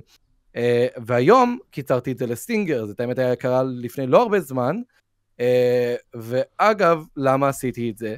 כי שאלתי את עצמי שאלה, למה ישראל? השם בעברית, סטינגר, זה, זה קצר, זה קולע, ואתה יכול לשים לב שרוב היוטיוברים המודרניים מקצרים את השם שלהם, אתה תשים לב למגמה הזאת. אינדה גיים, היום הוא אינדה. אתה מכיר אינדה? אה, זיגי, ארבע אותיות. אה, יוטיוברית חדשה, שירי, זהו, כלום בנוסף. אם פעם זה היה אה, שירי גיימינג HD IL, כמו שאנחנו תמיד אהבנו לצחוק על זה, שתמיד מוסיפים אה, אה, IL לשם, עידן גיימינג IL, זה FAQIL, בדיוק, זה אמנם היה קצר, אבל הוסיף את ה-IL, והנה המצלמה שלי קרסה. חכה רגע. let's go. אוקיי, בוא נוריד את הישראל, כאילו, כי, כי זה ברור שאני ישראל. Uh, נשאיר את זה רק סטינגר, קצר, קולע, זה הכינוי. Uh, ו- ולדעתי השינוי הזה היה טוב, אבל זה מאוד מראה לך איך גם מגמות פתאום, איך פתאום אתה שם לב למגמות האלה של אנשים מקצרים את השמות, נכון, אני לא צריך להגיד זיג זנג זונג, אני פשוט אומר זיגי, אני לא אומר את השם של הערוץ שלו אפילו. ו- ואתה פתאום שם לב איך אנשים עוברים לשמות קצרים וקולעים, כי זה המותג, גם הרבה יותר קל לפרסם שם קצר משם ארוך. אמ, וזה מאוד מאוד מאוד מעניין לראות את השינוי הזה, לא רק אצלי, אלא בהרבה מאוד יוצרי תוכן שדווקא בוחרים שמות קצרים. אני אגיד לך מעבר לזה, נגיד סתם אביאל בסין, אתה יודע שהוא mm. מפתח את האיידול וכאלה, אמר, אסנצ'ל, כאילו חובה לכל יוצר תוכן בזמן הזה. אתה יודע, זה עניין של דורות. אנחנו תכף נחזור גם לזמן אחורה טיפה, בשביל הנוסטלגיה גם בלי קשר. שנוצרי תוכן, ככל שעובר הדורות, ככה, אתה יודע, כמו טלפונים. היה פעם את הטלפונים של הנוקיה המסריחים האלה, אם אתה זוכר, כאילו אלה שאתה בקושי מחזיק. עכשיו יש לך טלפונים כאלה, שיש לך מסכים, יש לך הכל, כאילו, אנחנו מתפתחים. therefore, אנחנו צריכים להעלות את הרמה. ואם אנחנו רוצים להעלות את הרמה, צריך לעשות הרבה מאוד דברים בשביל זה. אז כמו שאמרת עכשיו, זה לקצר את השם. זה להפוך את עצמך להיות מותג. כאילו, צריך ללמוד מנייקי, צריך ללמוד מכל מיני מותגים כאלה. כי בסופו של יום, הם עושים את אותו דבר, כמו שאנחנו עושים עכשיו. פשוט יש כאלה שלומדים את זה לעומק, ויש כאלה שלא. אז, אז, אז זה העניין, כאילו, לבוא עם השאלה הזאת, איך אני משפר את המותג שלי? איך אני יוצר את נכון. עצמי כמותג? הוא זה שיהפוך אותנו ליותר טובים לדעתי, אריאל. איך אתה חושב לגבי זה? גם לא, לדעתי לגמרי, ולדעתי גם זה הקטע של לא לפחד להטיל ספק במה שאתה עושה, גם אם זה הדבר הכי מרכזי, כאילו השם של הערוץ זה, זה הכי מרכזי. ואני פעמיים כבר הטלתי ספק בשם שלו, ו- ועשיתי בו שינוי. אמנם כן, השם עדיין אותו שם, אבל פתאום לעבור מאנגלית לעברית, ואז לקצר את החצי, מילה מתוך שתיים, כאילו לקצר את השם. אמ, אז לא לפחד להטיל ספק, לא רק בשם ובאיך שאתה נראה, לפעמים גם את הלוגו. הלוגו שלי גם עבר שינוי. אמ, בהתחלה הוא היה לוגו של כתר במיינקראפט, מאוד אהבתי את זה, כי הייתי מאוד מבוסס מיינקראפט, אה, וזה היה מאוד מגניב. אגב, אם אתה שואל אותי איך הגעתי לדבר הזה, גוגל תמונות, אין פה שום מקוריות. אה, יש מצב שעברתי על כמה עבירות של זכויות יוצרים, אה, כשלקחתי את הלוגו הזה, אבל, אבל כאילו, ואז חיפשתי משהו מקורי. מה, זה לא רק מיינקראפט, אני כן עושה פה ושם עוד דברים, ואני רוצה משהו שטיפה יותר מודרני גם, כאילו טיפה יותר עכשווי, היום לשים תמונה של מיינקראפט כלוגו לערוץ, גם אם אתה מבוסס מיינקראפט, אנשים לא עושים את זה, אפילו, אני אגיד לך מה כן עושים, עושים ציורים של. ציורים. של הדמות שלך במיינקראפט, שזה מאוד נחמד, וזה מאוד, מאוד יצירתי, למשל רייג' גיימינג שהעלית אותו, אתה תשים לב, הוא, הוא מאוד ציורי, והוא גיימינג עדיין, אבל זה ציור של הדמות שלו בתוך המשחק. Uh, זאת אומרת שאתה לא נותן את הדבר הישיר, אבל עם זאת אנשים מבינים את הרעיון של, ה, של המותג שלך. ו- וכן, אתה צודק לגמרי, ללמוד ממה שגם מותגים אחרים עושים. בסופו של דבר, כאילו, משהו לא קורה רק בשוק אחד, הוא קורה בכל השווקים.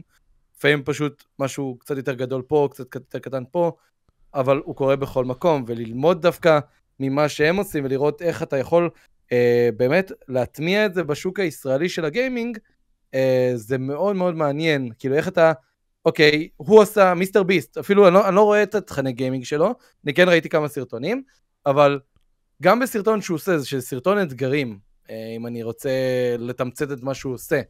אה, הוא נותן להם אה, תחרות סלש אתגר, ו- והאם יצליחו לעבור אותו, ואיך יצליחו לעבור אותו, ו- ויזכו בסוף בכסף. זה ה premise של, ה- של, של הסרטון שלו. ולקחת את זה, את התמצית של זה, של הרעיון, לסרטון שהוא של מיינקראפט, ש- שפעם הייתה פשוט לוחץ F9, שזה המקש הידוע להתחלת הקלטה, ב Fraps, כן, ועד היום אגב, כל התוכנות צילום לדעתי מאמצות את ה-F9, Alt F9, כאילו יש, זה, זה הרבה, זה הרבה זה, ומתחיל להקליט 20 דקות, לוחץ עוד פעם F9, מעלה את זה ליוטיוב as is, מאז, מהתקופה הזאת, אה, לקחת רעיון מעולם הוולוגים ותחרויות, ולהטמיע את זה, להתחיל מהר, לתת בכמה שורות ב voice over למה אתה הולך לעשות, טיפה הצצה כזה, היום גם אתה רואה הרבה, אה, מה שנקרא הוק. אתה רואה ממש קטע שנמצא בשני שליש של הפרק בדרך כלל, אה, לא בשליש הראשון, וגם לא לגמרי בסוף, אבל לפעמים הוא מהסוף. בדרך כלל זה בשני שליש של הפרק, ושמים אותו בהתחלה. זה בעצם נותן לך את הרגע, לדעתי, או בדרך כלל בוחרים את הכי מצחיק או את הכי מעניין, זה נותן לך באמת להבין מה אתה יכול לצפות בהמשך הסרטון. את השיא של הפרק. ואז, בדיוק, זה בדרך כלל השיא של הפרק, אה, ואם זה ספוילרים מדי, אז לפעמים אתה לא, אתה לא שם את זה, אבל uh, זה הכל, שוב, תלוי תוכן, תלוי סרטון, uh, אבל באמת, רגע שיא שאתה שם אותו בהתחלה, זה נותן לצופה להבין מה הוא הולך לצפות, בתת מודע הוא גם יחשוב, בוא נראה מתי אני מגיע לקטע הזה. כאילו... הוא מכוון אליו. פתאום כזה, כן, כן, כי וואי, אני רוצה לראות את הקטע הזה, בוא נראה את הסרטון ונראה איך הוא מגיע לזה. לפעמים, אגב, כן, זה עובד על הקטע של, אני הולך לבנות טירת לגו ענקית, ומראים לך איך נראה הטירה בסוף. ואז הוא מתחיל מהלגו הראשון. אבל אתה רוצה לראות את התהליך של איך הוא הגיע לטירה הזאת. אה, לפעמים זה יכול לאכזב, כמו הקטע של אה, שלב ראשון צייר עיגול, שלב שני צייר את שער הינשוף. אתה מכיר? זו דוגמה ידועה של איך אנשים לפעמים מדלגים על כל התהליך, ו- וזה דווקא מה שמעניין אנשים בקטע הזה. אני רוצה לראות איך הגעת לרגע השיא הזה, אני רוצה לראות איך הגעת לרגע המצחיק הזה, למה דווקא צחקת מזה? כאילו, למה, מה, מה, מה הוביל לזה? Uh, ואתה לוקח את הקונספטים הזה, ו- ואתה רואה איך התוכן שלך משתנה. Uh, ממה שהוא היה פעם של 20 דקות של פתיחה, ברוכים הבאים לסרטון, אם, אם היית חכם היית אומר, היום אני הולך לעשות uh, ככה וככה, תוך כדי שאתה, לא יודע, הולך, כאילו, אתה, אתה, אתה לא באמת מראה את זה, כי לא ידעת עריכה או משהו כזה. אתה, אתה פשוט הולך, אה, או פשוט עומד מול המצלמה ואומר, כן, היום אני אעשה עוגה.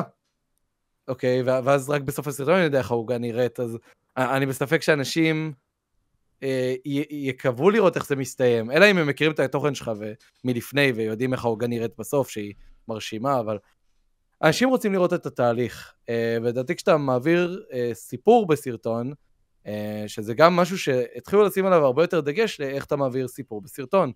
אה, אה, אז מאוד חשוב להראות באמת איך הגעת לסוף. ולא התחלתי כאן, ואז עשיתי כמה דברים מצחיקים, והנה יש לי מוצר מוגמר. לא, זה, זה, זה, זה מוזר, בתור צופה זה מוזר. גם בפרלמנטום אתם עושים סיפורים, כאילו, אם אנחנו ניקח את זה יותר נכון. עמוק. כלומר, כל העניין הזה, ההוויה שלכם בשרת הזה, זה נטו לספר את הסיפור, ומשם אנחנו עושים את כל שאר התוכן. בעיקרון, זה ממה שאני הבנתי. נכון. אז, אז הפורמט של הפרלמנט, אם נרצה לפרק את זה לפורמט, אה, זה קודם כל תוכנית רשת אה, חצי מתוסרטת, מתגלגלת, עם עלילה מתגלגלת. אה, ובקצרה, מה זה אומר? חצי מתוסרטת, כן, יש לנו סרטונים לפעמים שמתוסרטים, יש לפעמים תסריט ברמת ה... אז בקצרה מה שזה אומר, זה שלפעמים אנחנו עושים תסריט ברמת ה... אה, העלילה המרכזית, זאת אומרת, מה הסיפור המרכזי של הפרלמנטום? האם יש איזה גיבור? האם יש איזה רשע? אה, האם, אה, האם אנחנו מפחדים ממנו, או האם אנחנו מחפשים אותו? למשל, אם אני אקח למשל את העונה הקודמת עם אשכנזי, בהתחלה פחדנו ממנו, ואז עשינו איזשהו סוויץ' בעלילה, שזה לא היית רואה את זה בסרטון מרכזי ערוך ומתוצרי, היית, רואה את זה בהתנהגות שלנו כלפי אה, הרשע הזה, וכבר התחלנו לחפש אותו. התחלנו לא רק אה, לעשות מקלטים, אלא התחלנו ממש לעשות לו מלכודות כדי למצוא אותו.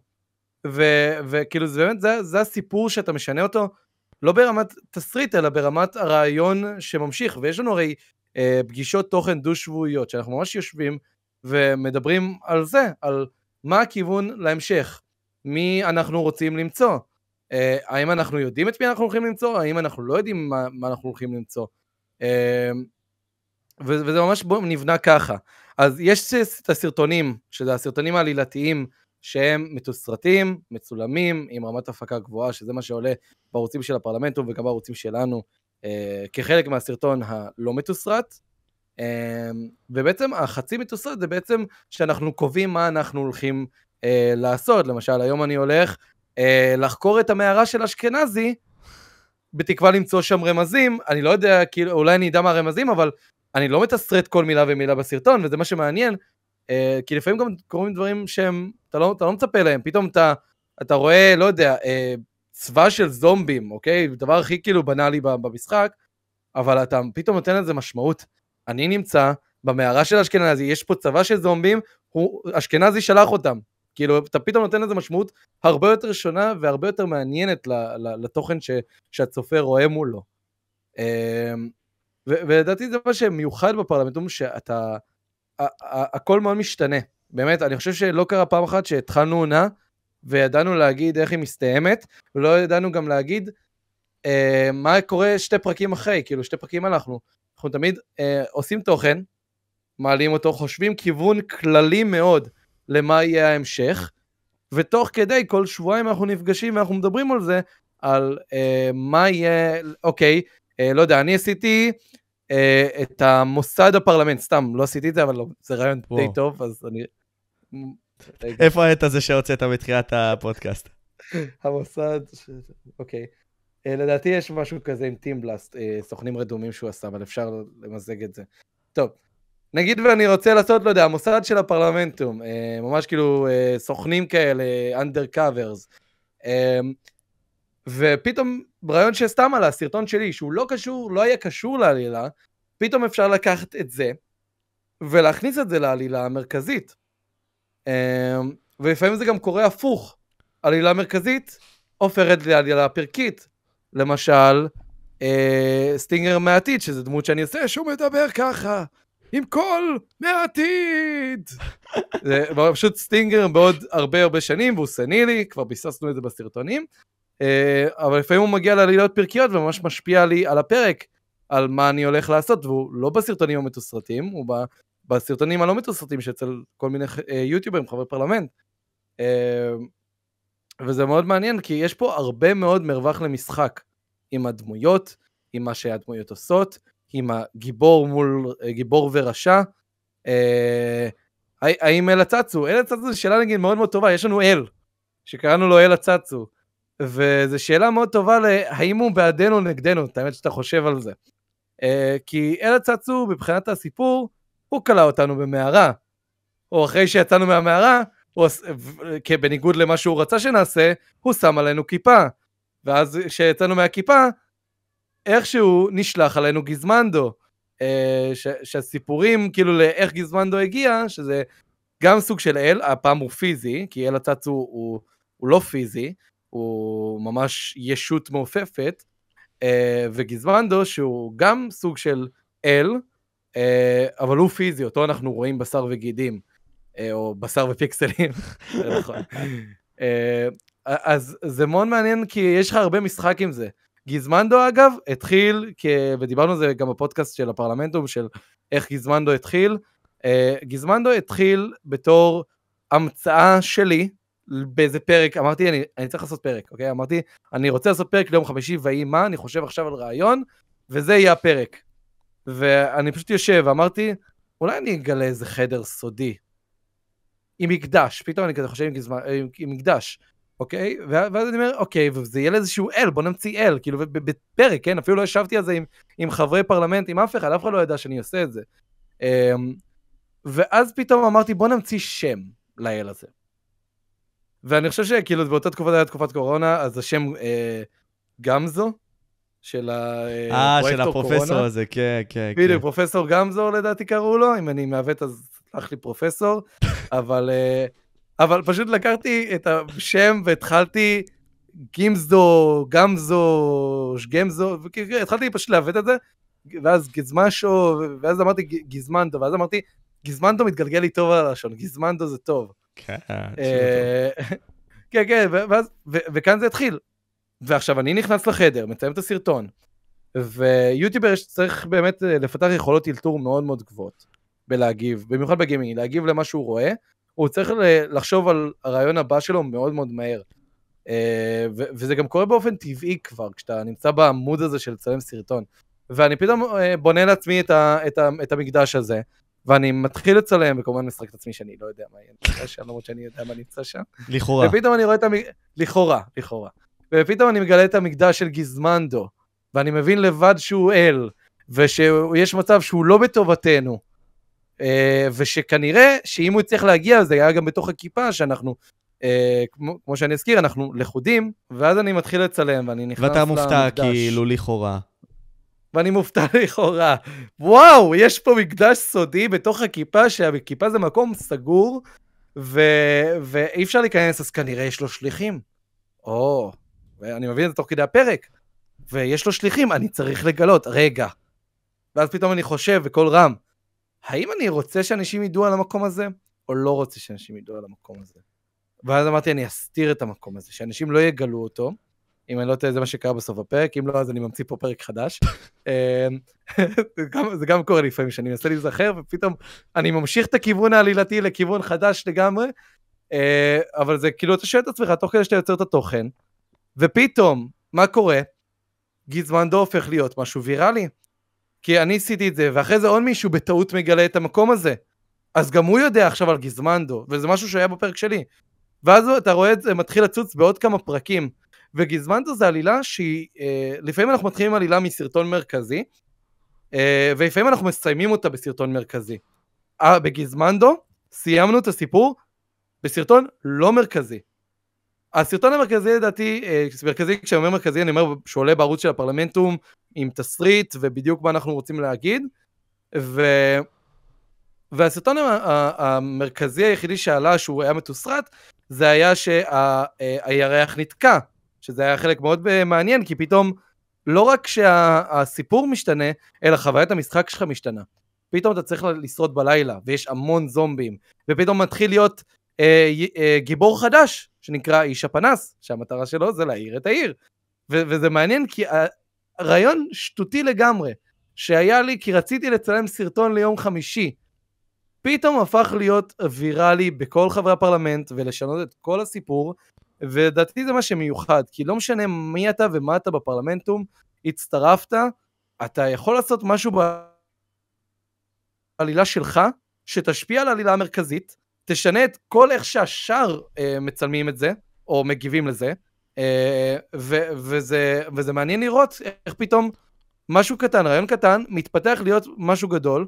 בסוף סיימנו את גיזמנדו, רק כדי שאני לא אשאיר אה, באוויר את הצופים, בכך שגיזמנדו אה, אנחנו מוצאים אותו בגיהנום אחרי שהצלחנו להחזיר את הירח לעבוד, הוא אה, משאיר שם רמז שהוא מחכה, בגיהנום, שהוא נמצא בגיהנום, חזרתי לגיהנום. אה, ואז אנחנו מבינים שאנחנו צריכים להגיע לגיהנום ולהילחם בגיזמנדו, וזה היה באמת רעיון שלדעתי אני הצעתי, לעשות מלחמה גדולה ואפית, אבל בסרטון מתוסרט זה מאוד קשה בגיימינג לעשות אה, סרטון מתוסרט, א' כל סרטון מתוסרט, ב' לעשות אותו אה, קרב, כי נגיד אתה חושב תמיד בסרטי אקשן, הם חוזרים המון פעמים בחזרות על איזה מכה, מתי ואיפה ו- ואיך הם מגיבים לכל מכה, שבגיימינג זה אפילו טיפה יותר קשה. כי, כי... זה מלחמה, והפעולות הן אותן פעולות, אתה נותן מכה, אתה לא יכול עם מכה... להראות אותה מזווית אחרת, מכה. רק אם אתה עושה נגיד. סתם אנימציה. זהו, אנימציה, אבל גם אנימציה זה הרבה עבודה. אנימציה בקרב אקשן, כי תחשוב, זה כל פעם, זה הרבה חילופי זוויות וכאלה. אמ, אז יכלנו לעשות את זה גם כדי שלא ניתקע הרבה זמן עם העלילה, כי זה חשוב שהצופה, אה, י, י, הצופה רוצה לראות את הפרק הבא, כמו שאמרנו, ובפרלמנט עשינו את זה מאוד טוב כי זה עלילה, ו, ואנחנו רוצים גם לתת לו את הפרק הבא.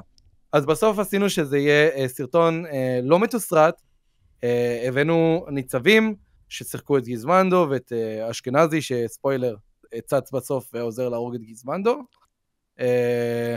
ובסוף אשכנזי לטובתנו, שזה כאילו היה הסופרייז של, של הפרק. כן, בדיוק. ובסוף העלילה הזאת הסתיימה עם גיזמנדו בכך שהרגנו אותו בגיהנום, ו... וגיז... ואשכנזי הצליח לברוח. Mm. Uh, אז אשכנזי, נכון לרגע זה, עדיין חי. לרגע זה, וואו, יכול להיות שהוא ימות. כנסו לפרמטום. יכול להיות שיחזור. או, כן, זהו, תמשיכו לצפות. אני לא יודע, אגב, אני לא אתן ספוילרים. תיכנסו, יש הרבה הפתעות שאנחנו... כן, אין בעיה, פשוט להיכנס, לעקוב אחרי הפרלמנטום, לינקים למטה בתיאור, גם לעקוב אחרי סטינגר בכללי, כאילו, אם אנחנו עכשיו. נמצאים לקראת הסוף, כאילו, בכללי שתדעו את זה, כן? עכשיו, אתה מבין, אם אנחנו נחזור אחורה, כאילו, הפרויקט הזה, הוא היה, אתה יודע, מוזר, כאילו, לחשוב על זה ולראות את זה בדיעבד, כמו ה Mindcrack, כמו Hermit. כאילו, זה היו שרתים שפשוט החוויות בהם היו מאוד מגוונות, כלומר, כל הדברים שאתה חווית. מה הדבר שהכי היה לך כיף באותן תקופות? כלומר, בין אם זה בהתחלה של פר, פרלמנטום, בכללי, איך חווית את אותם קהילה, את אותה קהילה ישנה, עם אותם אנשים ששיחקת איתם? אז אם נחזור רגע להתחלה של הפרלמנטום, ואיך הפרלמנטום בעצם נסע, אני לא יודע כמה דוד אה, הסביר וסיפר. התחלנו בכלל משרת אחר לגמרי, של מודים, שהתגלגל לשרת מודים אחר, ובסוף אה, הקמנו שרת ונילה, שזה אומר בלי מודים, אה, שהוא באמת, נטו, חברים. כאילו, היה איתנו בחור שלישי, ניל דוד ואלרום, שכן, אתה זוכר, יפה. אה, ואלרום באיזשהו שלב אה, פרש, זה פחות עניין אותו, נעלם. אה, ובסוף הוא כן נשאר בעלילה כזה מתוך כבוד, כאילו, לאלרום הוותיק, ש... שתמיד אנחנו בונים את הפסל שלו. ו... ו... והסיפור הולך כך שבהתחלה, שלא ידענו באמת מה זה הפרלמנטום, השם, יש לנו שם, יש לנו שרת ויש לנו חברים שמשחקים ביחד. חלק יוטיוברים, חלק לא, שזה מה שמאוד מייחד את הפרלמנטום בהשוואה ל Hermitcraft ו Mindcrack, שקודם כל יוטיוברים, אחר כך תוכן. אה, הם כאילו, זה היה מאוד משולב וביחד. אה, ואנחנו דווקא הבאנו דמויות שהם לא יוטיוברים, ואחרי זה הוספנו דמויות שהם לא אנשים בכלל. אה, כאילו סטינגר מהעתיד, אמנם זה אני משחק אותו, אבל הוא לא הדמות שלי. אה, הוא דמות שלי, לא אני, כאילו, הוא דמות שנייה. אה, שיש לו את הדברים שהוא רוצה לעשות, ואת איך שהוא מדבר, ואת ההיגיון שלו. ויש גם, אה, התחלתי להוסיף עוד דמויות, כמו שטונגר. אה, ובהתחלה, בהתחלה, אף אחד לא חשב על זה בקטע של להעביר סיפור. היה לנו קונספט, בוא נבנה עיר, ו- ו- ובוא נעשה כאילו פרלמנט ונחוקק חוקים. אני מאוד הייתי מעריך, אם אתה רוצה לדעת מאיפה הגיע הרעיון של להביא פרלמנטום לארץ, שאנחנו משלבים עלילה בתוך תוכן, בתוך גיימפליי, uh, זה היה כי הייתי צופה בשלישייה uh, שקראו לה Mianite, שזה היה uh, סדרת לייבים, לא סרטונים, לייבים, שהם היו מעלים את הלייבים, כולם עולים ללייבים באותו זמן, באותם שעות, למשך שעתיים, ובמהלך הלייבים האלה היו קורים אירועים עלילתיים, היה להם אלים, היה להם את האל Mianite, Dianite, שהוא היה רע, ואת Ianite, שהיא הייתה אלה ששומרת על הסדר, שאגב, איך זה התחיל? CaptainSparklez, שהוא יוטיובר מאוד מפורסם, אה, אה, שבעבר היה עושה הרבה פרודיות ידועות, אה, הוא זרק את זה כבדיחה שהוא לא רוצה להשתייך לאף צד, אז הוא Ianite, הוא הוריד את האות הראשונה, אה, כי זה מה שמבדיל. ואז היה להם צוות תוכן שעבד מאחורי הקלעים, שלקח את הרעיונות שלהם והכניס את זה לעלילה. Uh, ומאוד אהבתי את הקונספט, מאוד אהבתי את העלילה uh, עם המשחק. Uh, כמובן שהם שברו הרבה מאוד קירות, אנחנו קצת יותר שומרים על קיר רביעי כזה, ושאנחנו ביקום סיפורי, משתדלים לפחות, זה הכיוון, לא תמיד זה מצליח. לפעמים בורח המילה עונה בפרק, שזה כאילו, או, מישהו אמר עונה, כאילו זה, זה בעיה. כי אנחנו אומרים עיר, העיר הרביעית, העיר החמישית, אה, כי אתה, אתה, אתה כאילו מצלם את זה מנקודת מבט של דמות, אתה לא, אתה לא אמור להיות מודע לשרת. אתה חי, אתה חי בתוך החוויה, אתה לא אמור להסתכל מבחוץ עליה. בדיוק, אז זה משהו שהתפתח. בהתחלה גם לא היינו מודעים לכל מיני חוקי עלילה, ועם הזמן התחלנו לקחת את זה טיפה יותר ברצינות, וגם באיזשהו שלב, אני זוכר את היום שהחלטנו, חבר'ה, פרלמנט הפך להיות משהו גדול, אני חושב שזה היה אחרי עונה שלוש. אה, היינו מתחילים לעשות את הישיבות גדולות כמו איך מסיימים עונה, איך מתחילים עונה ומה הקונספט לעונה שאחריה. עונה שלוש שלדעתי הייתה הספתח של, אה, שהתפרסם בעצם, אה, שהייתה עונה לדעתי מאוד טובה, גם בגלל שהיא חצי עדיין לא הייתה רצינית וחצי כבר הפכה להיות גדולה. Mm-hmm. היה הרבה הירתמות של הרבה אנשים שרצו לקחת בזה חלק, ובסוף עונה שלוש נפגשנו כולם והחלטנו שאנחנו רוצים להרכיב איזשהו סיפור לאיך אנחנו מסיימים את העונה, והיה את הסיפור של השייט, שלימים בגיימון 2015, שהיה לנו פאנל לדעתי, או זה היה 15 או 16? לדעתי זה היה 15, זה היה שנה אחרי. אוקיי. Okay. היה לנו פאנל בגני תקווה, בכנס, שבו חשפנו את איך מסתיימת העונה לפני כולם. וואו. לא, בעצם זה היה ב-2016. זה היה ב-2016, היינו בראשון לציון. אה, שסיימנו את העונה הרביעית. אה, משהו כזה, אל תפוס אותי בזמנים, אני גרוע בציר כרונולוגי של חיי. אני אתפוס אותך בזמנים, סתם, הכל טוב, הכל טוב, תוריד מהלחץ. מקסימום, מקסימום, אתה יודע, אתה לא יכול לשים הערה בגוף הסרטון יותר, אז אני, אני לא פשוט אוסיף לך מול הראש כזה, כזה. אה, בעריכה, רק אם כן, תתפוס כן, את זה שם. כן, אני אתפוס את זה, כן. אז, אז אתה אמרת פשוט... אז, אז אתה אמרת לי פשוט... אני מסתכל על ההערה הזאת. אז אתה אמרת לי פשוט כאילו, שזה 아, אה, בעצם היה שינוי. אה, וחשפנו, כן, אז חשפנו את ה, בעצם את איך מסתיימת אה, העונה עם השייט. אה, זה היה סרטון עם אנימציה, דוד החליט שהוא רוצה להשקיע. עשינו סרטון אנימציה, אה, שבו ממש אה, יש סיפור אה, על כאילו איך זה מסתיים, ומשם התחלנו לעשות יותר פגישות לכל פעם מה אנחנו רוצים גם, לא רק על מה העלילה של סיום ופתיחה, עם הזמן אה, התחילו גם להיות ישיבות על מה הקונספט של העונה. עונה 4 הייתה עונה שהחלטנו שאנחנו עושים אותה על אי בודד. אה, אמרנו, שייט, בוא נעשה שזה מסתיים בכך שאנחנו נתקעים על אי בודד. ואנחנו מתחילים את הפרק הראשון אצל כולם, בזה שאנחנו יוצאים מתוך סירה שנסחפה אל החוף. ועונה 4 הייתה קצת קשה בגלל כאילו תנאי המשחק, כי זה אתה על ים, אתה על מים, אז לא כזה נוח לך לייצר כאילו רצפה לכל דבר. אמ, ואתה כל פעם נופל למים, וסירות זה לא דבר נוח. אה, ואז ישבנו גם על אה, מה אנחנו רוצים לעשות בעונה חמש, ואז החלטנו על קונספט שבו יש אה, עמק עם שתי גבעות, שעל הפרק הראשון הצלחנו להמריא, כאילו יצאנו לחופשה, היה UHC, שזה היה סוג של להכניס את זה לעלילה, זה תחרות, וחזרנו ממנה, ובדרך חזרה, אגב, כולם ציפו שנתרסק, לא התרסקנו. אז זה לא לבנות את הציפייה, זה, זה, זה דבר מאוד יפה. בדיוק, כולם, כי אני אגיד לך, היה את הסירה, היה את השייט, התרסקנו. אה, וכאילו היה המון המון ציפייה להפעם הבאה אנחנו, יקרה משהו נורא ואנחנו נתרסק. או שהעיר תתפוצץ, עונה שלוש לדעתי פוצצנו את העיר, אה, או בעונה ארבע פוצצנו את העיר. אני זוכר מתי לא שפוצצתם את העיר, כן. פוצצנו את העיר. קיצר, אז אה, היה כבר איזה גג שאנחנו כל פעם מפוצצים את העיר, והיא נהרסת איכשהו, אה, ועונה שלוש היא היחידה שלא התפוצצה לדעתי, כי, כי דיברנו על זה. עכשיו, הקטע זה, שפתאום אנחנו מתחילים לחשוב על קונספטים לעונה. עונה חמש, יש עמק, נחתנו בעמק, הם רוצים לחיות שם, הם רוצים לחיות שם, ישר יש פיצול. פיצול של שתי קבוצות. כמו שהיה בעונה הראשונה, היה, היה בעונה של פיצול של שתי קבוצות. ו, וזה בעצם גם משפיע על שער העלילה בהמשך. אה, ונגיד אחרי זה אמרנו, היה לנו הרבה רעיונות אגב, אם אתה רוצה לדעת איך עונה 6 נהגתה, עם המערה והכיפה והיציאה. אמ, היה לנו המון רעיונות, המון. אחד אמרנו בוא נעשה את זה אנדרגראונד, כי יצא עדכון שיש אה, מערות, אה, היה דיבור על זה, בסוף לא היה כזה עדכון מערות, יצא עדכון מערות יותר גדול אחרי זה. כן. אמ, תמיד, אגב, יש גם בדיחה שאנחנו תמיד מקדימים את זמננו. אה, הרים, אז הכריזו שהולך להיות עדכון על הרים אחרי שסיימנו את העונה. אה, בים, יצא עדכון הימי אחרי שסיימנו את העונה, כאילו, אתה מבין, כל פעם הקדמנו את זמננו. אה, אז היה לנו מלא רעיונות, אוקיי? היה לנו ישיבת תוכן שבאמת יצאנו עם טון של רעיונות, וכל הרעיונות, כולם רוצים את כולם. אז אני אמרתי, בוא נעשה פשרה, בוא ניקח את כל הרעיונות ונפרוס אותם על העונה. נתחיל, היה רעיון של להיות אנדרגראונד במערה, היה רעיון של כיפה, והיה רעיון של אה, לנדוד למקום אחר. אז לקח, אה, אז אמרתי בוא נעשה, זה לא סותר, בוא נתחיל במערה, נעלה למעלה לתוך כיפה, ואז נצא החוצה וננדוד. זה גאוני, כאילו, כל פעם, כן. וזה משהו שהצופים צריכים להבין, נראה לי.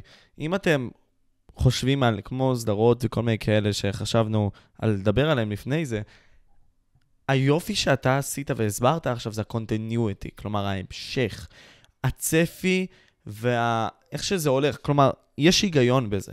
יש היגיון במה שאתה עושה. וכשיש היגיון בזה ואתה בונה את הציפייה, אז הם, הם יהיו יותר מושקעים במה שאתה בונה עכשיו. כלומר, אם אתה עכשיו בא, מתחיל למעלה, או יורד למטה, מנסה לעלות למעלה, נמצא בקרקע וכל מיני כאלה, זה כאילו מדבר גם על החיים, בסופו של יום. תמיד יש קודם כל אה, השוואות לחיים, וקשה שלא לשקף לפעמים מצבים מציאותיים. למשל, היה פעם את ההצפות בנהריה, ועשינו גג עלילתי שבו העיר מוצפת. וואו. עכשיו, לא אמרנו שזה נהריה, אבל כאילו זה היה מצחיק, כי זה היה תואם. אה, היה לנו מחלה שקוראים לה ונט, וזה מאוד משקף את אה, קורונה. אה, ש... ו... וכאילו אמרנו שיש מחלה שמתפשטת, וזה לא בקטע של זה, אבל זה מדבק, זה מתפרס בקצב מאוד מאוד מהיר. והשתמשנו באבנט כמה פעמים, ובסרטון שהיה לאחרון בערוץ של הפרלמנטום, אפילו הקרבנו את... אה, נעשה, נעשה ספוילר? נעשה נעשה- ספוילר, לא ראו את זה עד עכשיו? הסרטון גם... אם לא ראיתם את זה עד עכשיו, אז כאילו, בואו, אה, לכו תראו מה אתם עושים. אז הקרבנו אה, כוכב ראשי כמו מקריטה. שבסוף לקח את האבנט והשתמש בה כדי להציל את כולם. אה, זה כאילו הכלים שאפשר להשתמש בהם בעלילה, לקחת דברים קיימים שהגינו. האבנט אגב, איך היא התחילה? שמנו... אני זוכר, היה לי מלא קפלסטון שתיקנתי איזה בור, שכאילו זה פשוט היה נראה כזה, כאילו זה מתפשט כזה, ואז כתבתי זהירות אבנת. כאילו, אה, לא לגעת, זה רעיל כזה. אה, כזה, כאילו זה כמו הירוק, הירקת שמתפשטת על בית, אז ככה, זה היה הרעיון, זה היה כאילו ו- ו- וזה, וזה המשיך, וזה המשיך, וזה התפוצץ, בדיוק כמו גיזמנדו. אה, אז אני אומר, ישיבות תוכן האלה, החשיבה קדימה, איך מראים תהליך, וכמו שאמרתי, תהליך זה משהו שמעניין צופים, איך גורמים לזה, אה, לגרום לצופה להבין מה יקרה בסוף, או לחשוב, או לשער. יש המון תופעה ענקית אצלנו, שאנשים משערים מה יקרה, ואנשים מנסים לנחש מה יקרה. כי, מאוד מעניין אותם, בגלל שזו עלילה מתגלגלת, זה לא, זה לא סדרה שאתה רואה בנטפליקס, אתה יכול לעשות בינג' לגמור את כולה, אתה כבר... זהו, אתה כאילו יודע שאתה יכול לקבל את זה, אתה לא יכול לקבל את זה עדיין. וגם הדברים משתנים תוך כדי, בכוונה אנחנו עושים שהפגישות הן דו-שבועיות ואנחנו אף פעם לא מתכננים רחוק מדי, כדי לתת לנו קודם כל את החופש היצירתי לא להגביל אותנו, אה, כדי לתת לנו בעצם את האפשרויות לנדוד לכל מיני כיוונים. ואם אנחנו רואים שכיוון צפוי מדי, כי לפעמים אין מה לעשות, אתה נופל לבנאלי, אתה נופל לצפוי, ברור שנביס את הרשע, ברור שנצליח לצאת מהכיפה, אבל איך? או, איך אנחנו עושים את זה? אז אני אומר, היה לפעמים ברור שאנחנו נתרסק, כי אנחנו כל הזמן מתרסקים, אז לא, לא התרסקנו. וזה נראה לי הפעם שקצת עצבנו את הצופים, כי כאילו הצופה רוצה להרגיש את הסיפוק הזה, ובסוף לא מקבל אותו, ו- ולפעמים זה עובד לטובה או לרעה, לדעתי הם קיבלו את זה חיובי, כי, כי צחקנו על זה. אז כאילו זה היה יותר הומוריסטי מאשר אה, לא לתת לכם מה שאתם רוצים. אה, אבל, אבל כן, ל- ל- להראות את התהליך, לתכנן הלאה, איך, איך דבר, איך פריט שהתחלנו בפרק של אחד מאיתנו, ובגלל זה גם בישיבות האלה אנחנו עושים סיכום של כל מה קרה בשבועיים האחרונים, אני מספר, אני בניתי בית, אני בניתי חנות כזאת, אני בניתי uh, זה, כל אחד מספר כאילו מה הוא עשה, ואז אנחנו יושבים על מה אנחנו יכולים לעשות הלאה. אוקיי, הוא עשה uh, מוסד של סוכנים רדומים, איך אנחנו יכולים לקחת את מה שהוא עשה? או הוא עשה מרתף סודי שיש בו ניסויים רדיואקטיביים, אולי, זה לא קרה, אבל אולי זה יגרום למשהו רע, או משהו טוב, או, או אולי יעזור לנו כשאנחנו צריכים להביס מישהו, פתאום אני הולך, נגיד אבנט, אה, פתאום אני לוקח את זה, ומשתמש בזה כדי לנצח בקרב. אה, כי בסופו של דבר אם מראים לך פריט, וזה ידוע בעולם התיאטרון, בעולם הסרטים, אם הראו לך פריט מסוים, אה, השתמשו בו כאילו, לא יראו לך משהו שלא ישתמשו בו. אם הם מראים אקדח במערכה הראשונה, הוא יירה בשלישית. זה נכון גם לגבי תוכן ביוטיוב. אם, אה, וגם בעולם המשחקים בכללי, כאילו אם, אם אמרו לך משהו, למשל, אה, לא יודע, יש פה, יש בחדר הזה המון קרינה, לא סתם, כאילו זה חייב לתרום איכשהו לעלילה. זה חייב לתרום לאיזשהו משהו בהמשך, לא תמיד זה מצליח, כי אנחנו הרבה אנשים וכל אחד לוקח את הסיפור לכיוון שלו, אבל זה מעניין פתאום איך לראות איך אבנט או גיזמנדו, רעיון כאילו כל כך שטותי שעלה לנו כי התחלנו ללחוץ F9 ולפעמים אנחנו מתחילים פרק, לוחצים F9, מתחילים להקליט, והרעיונות פשוט זורמים, ואתה נהיה יצירתי, וזה טוב, כי זה, זה אומר שאתה יוצר תוכן טוב, אתה, אתה יודע להגיב בצורה מצחיקה ולהוסיף לזה תוך כדי, ואז לקחת את זה ולהשתמש בזה בעלילה ראשית יותר, ולהשפיע עם זה על אחרים, לדעתי זה מה שמאוד uh, מעניין בעלילות של הפרלמנטום. Mm, וואו. זה הרבה מאוד, כאילו, אני, אני חושב שהצופים, כאילו, אם הם עכשיו באמת יבינו את העניין הזה, שנגיד אתה רואה סרט, היופי כשנגיד אנשים עוברים בתוך החדר, זה לראות נגיד סתם את הפוקוס שפתאום הם עשו על השולחן. שולחן יש אולי איזושהי חשיבות. כלומר, אתם כן, באמת עושים את זה. זה העניין. וזה מדהים כל כך לחקור את זה ולראות את זה, כי אפילו בן אדם שפחות צופה בדברים האלה, אני מעריך את זה כל כך. אתה מבין? כאילו, אני יכול לראות את זה ולהעריך את זה, וזה, יש בזה איזשהו יופי עצום מבחינתי, כאילו, דברים, אני חייב להחמיא לכם על זה, זה כאילו מטורף. או, תודה, תודה. זה ממש מטורף, כאילו, איך שאתם חשבתם על זה. אני אשאל עוד שתי שאלות קצרות כדי לכבד את הזמן שלך, אריאל. כן. קודם כל, יש הרבה מאוד יוצרי תוכן שמסתכלים עכשיו על זה, ובכללי, צופים, שאתה יודע, רואים את התוכן שלך, או נחשפו אליך, או whatever, ואומרים כזה, וואו, נתת לי הרבה מאוד טיפים. אני רוצה לנסות לפתוח ערוץ ב-2022. מה אתה מציע לי לעשות, אריאל? כאילו, איזה טיפים היית נותן להם? אז אני חושב שהטיפ הראשון אה, זה קודם כל למצוא את, קודם כל מה שאתה אוהב לעשות, כן? אני חושב שאם יוטיובר לא נהנה מליצור תוכן, הוא, הוא ייפול מאוד מהר. Uh, אתה צריך שיהיה לך בזה תשוקה, מעבר לאם באת מסיבה כלכלית, וזה בסדר מאוד לבוא מסיבה כלכלית ליוטיוב, אם אתה גם חושב שתוכל ליהנות מזה, אבל uh, זה מאוד מאוד חשוב להבין שאתה צריך ליהנות ממה שאתה עושה, כי אם לא, אתה תקום בבוקר, אתה תסתכל על המצלמה בעיניים, ואתה תבין שאתה לא באמת נהנה מזה, וכשיוטיובר לא נהנה מהתוכן שהוא עושה, רואים. אוקיי? רואים, מרגישים. הרגש מועבר, גם אם אין פייסקאם, אוקיי? גם אם אין לי את המימיקות של הפנים. שומעים בקול. אם קמתי בלי כוח לעשות את הסרטון הזה, ואני זוכר, היה סרטון אחד שכשהייתי עושה את הסטמפשוט ריוויוז, ודיברתי על זה מקודם, שהייתי מעלה את זה בזמן מאוד קצר, לפעמים זה היה יוצא בימי שבת, oh. בבוקר. כאילו, אני זוכר, היה פעם אחת איזה עדכון, אה, או... והייתי קם, והייתי מצלם את זה איך שהתעוררתי, לא היה לי כוח, לא היה לי רצון, אה, ופשוט אמרו לי, בתגובות, ולא היה הרבה תגובות, אז כאילו כל תגובה משנה, אה, שומעים שאתה עייף, כאילו, ואמרתי, וואו, אם שומעים שאני עייף, אני לא הייתי רוצה לראות סרטון של מישהו שהוא חצי ישן. זה כמו שתראה מרצה שמדבר במונוטוניות, ומאוד מאוד עייף, ולא... אתה לא רואה בכלל תגובה על הפנים שלו, הוא, הוא מת מדבר, כאילו. אז אתה, אתה, אנשים גם נמשכים ל, ל, לאנרגיות. זה למה נגיד, גם MrBeast, תמיד מתחילים, ואני גם uh, התחלתי לנסות את זה, להתחיל באנרגיות גבוהות. היום אני הולך לעשות את הדבר הבלתי אפשרי. כבר הצופה מרגיש את האנרגיה ואת ה vibe של הסרטון. זאת אומרת שגם אם לאורך הסרטון אתה תרד מעט באנרגיות, הוא התחיל מכאן, הוא לא התחיל מכאן וטיפה עלה, הוא התחיל מכאן וטיפה ירד, שזה בסדר. אתה צריך לקבוע את הטון בדבר הראשון. זה למה עושים hook, כדי לקבוע, בסרטון הזה אתה תצחק כמו שאני צחקתי ככה. כאילו זה, זה ה vibe, זה המעניין. אתה, אתה, אתה, אתה רוצה לראות את האנרגיה שיש גם בהמשך הסרטון, אתה רוצה לקבוע את הטון בהתחלה. כי אם אני אגיד, אה, ברוכים הבאים לעוד סרטון, בוא נתחיל לשחק, ואז ייי! אה, פתאום, פתאום משהו לא יסתדר לך, אה, כי האנרגיות לא תואמות. כאילו, האנרגיה, המילה הראשונה שאתה אומר לפעמים, יש לה, ואיך שהיא נאמרת, באיזה טון, וגם לפעמים גם מה המשמעות, כאילו, האם אני באמת שמח, או אם אני סתם מדבר בקול מאוד מאוד גבוה, אה, לפעמים זה לא בדיוק יעביר, אז צריך לשמוע אותך מדבר בהתלהבות.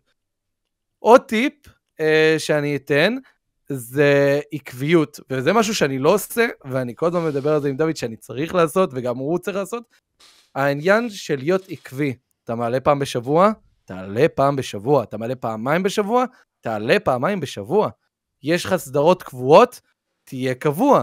GTA, פעם עלה פה כל שבוע, פעם עלה כל חודש, לא היה עקבי.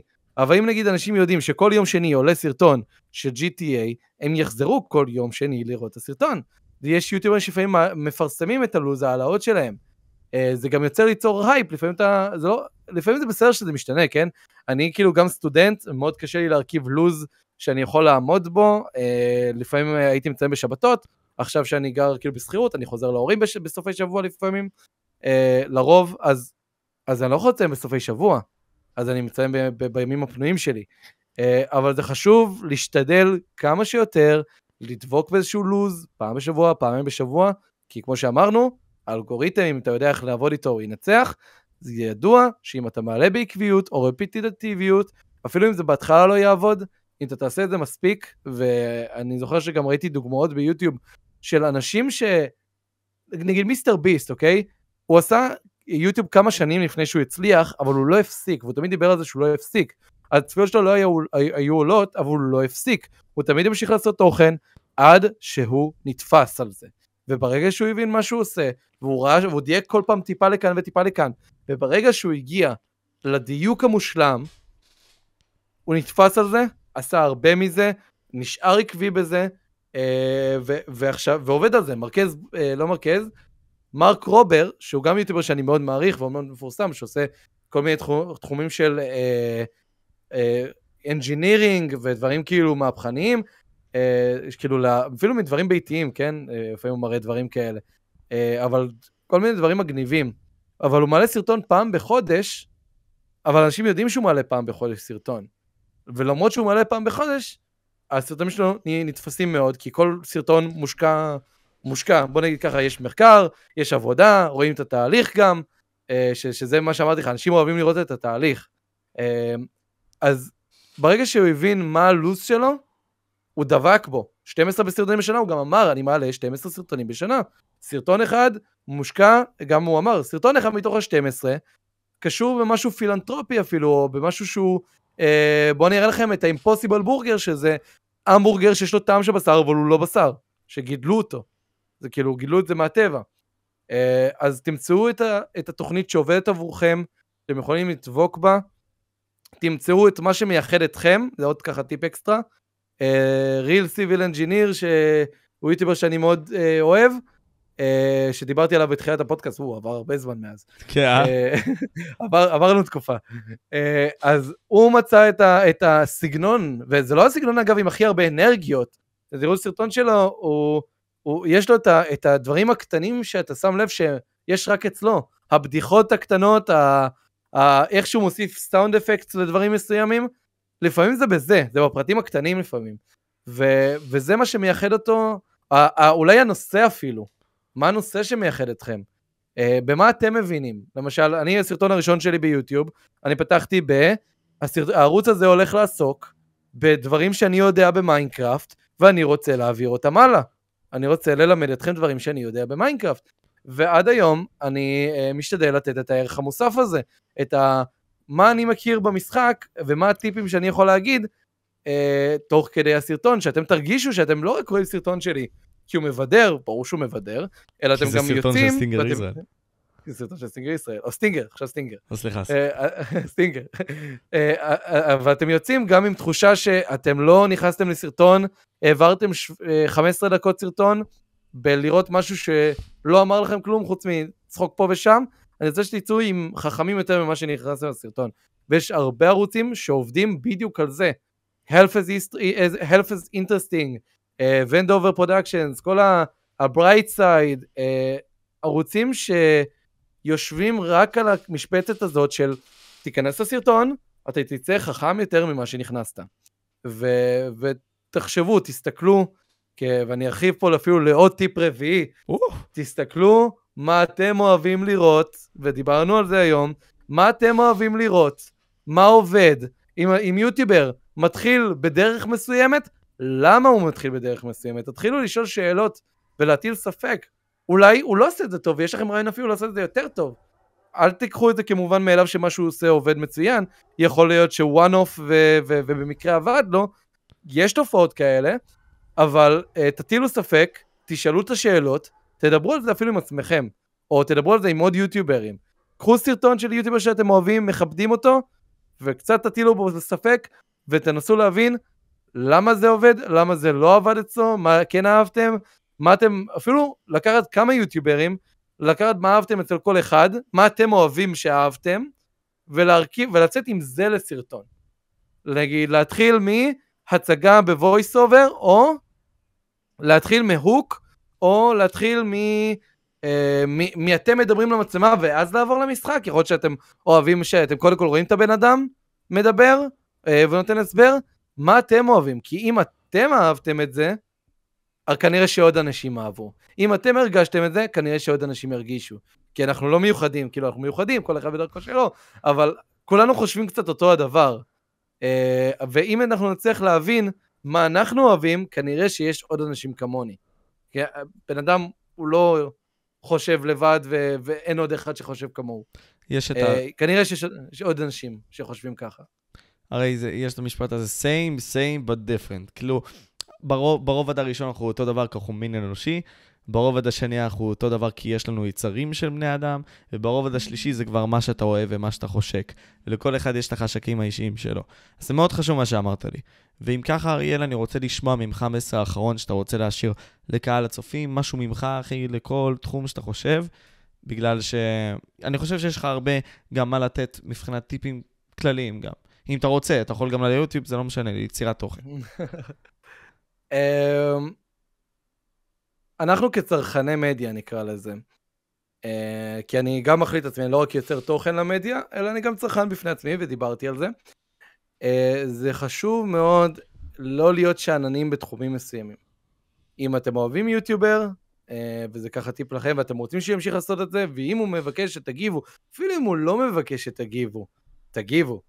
זה לוקח באמת מינימום זמן, וגם אתם כשצופים בסרטון פודקאסט הזה או מאזינים אליו בכל דרך אפשרית, תנו איזה engagement.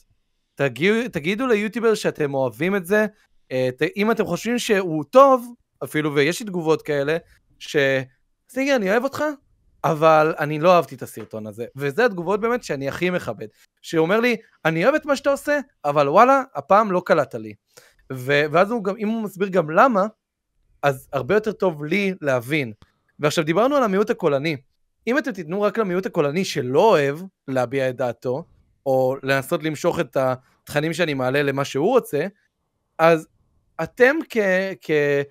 כשאתם רואים את הסרטונים שרוב אוהבים למשל, אתם תשמעו פחות, ובגלל זה אני אומר, תנסו לחפות על המיעוט הקולני, אל תהיו רוב דומם, תגידו, סרטון הזה מדהים, סרטון הזה מצוין, תנו לייק, לייקים זה מדד מאוד מאוד חשוב לראות אם סרטון הרוויח 800 לייקים או 2,000 לייקים, זה הבדל. אה, לראות את האינגייג'ים, לראות את כמות התגובות. בין אם זה לטובה או לרעה. כאילו אם אני יודע שעשיתי סרטון, והוא היה קצת, לא יודע, שנוי במחלוקת, הוא יצר דיון, אה, אז אני יודע לפעמים שפגעתי, כי אנשים אוהבים כאילו, לא, או לשמוע דעה מנוגדת, אה, או להסכים עם מה, ש... מה שנאמר, אבל הם אוהבים לדבר על זה. ולדעתי גם התחיל מכאן כל העולם הפודקאסטים. אנשים אוהבים לדבר על דברים. תגיבו, תביעו את דעתכם, כל עוד זה נעשה בצורה אה, כמובן יפה ולא קללות או עלבונות כלפי היוצר.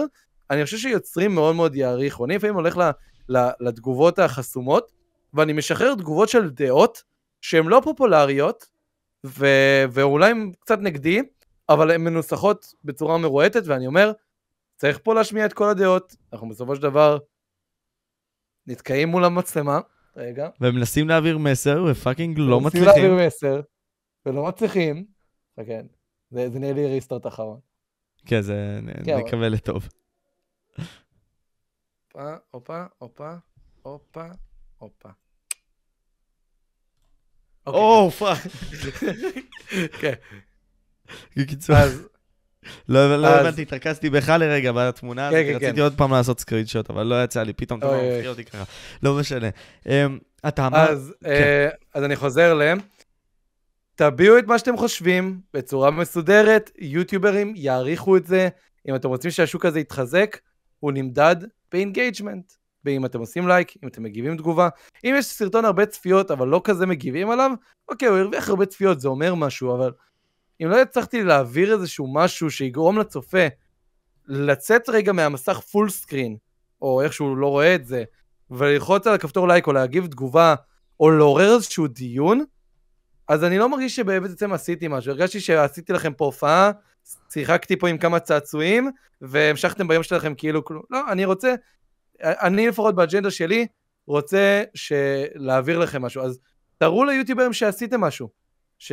ו... ואנחנו, יחד איתכם, כי אמרתי, יוטיוברים, קצת כלום בלי הקהל שלו, אה, וזה מאוד חשוב. תביעו את עצמכם, תראו את עצמכם. וואו, תביעו את עצמכם, תראו את עצמכם.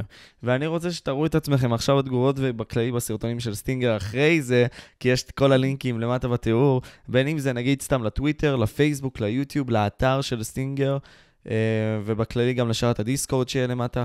אה, כן, בכללי, אז אה, גם לפרלמנטום בין כה וכה, ואני מקווה שאתם נהניתם מזה. תשמע, אני חושב שסיימנו את זה בעיקרון. אני מקווה שהיה נחמד, כאילו, אריאל, ולא לא, לא היה קשה מדי. לא, לא, נהניתי דווקא, אני אוהב כן? לדבר על עצמי. כן, כן.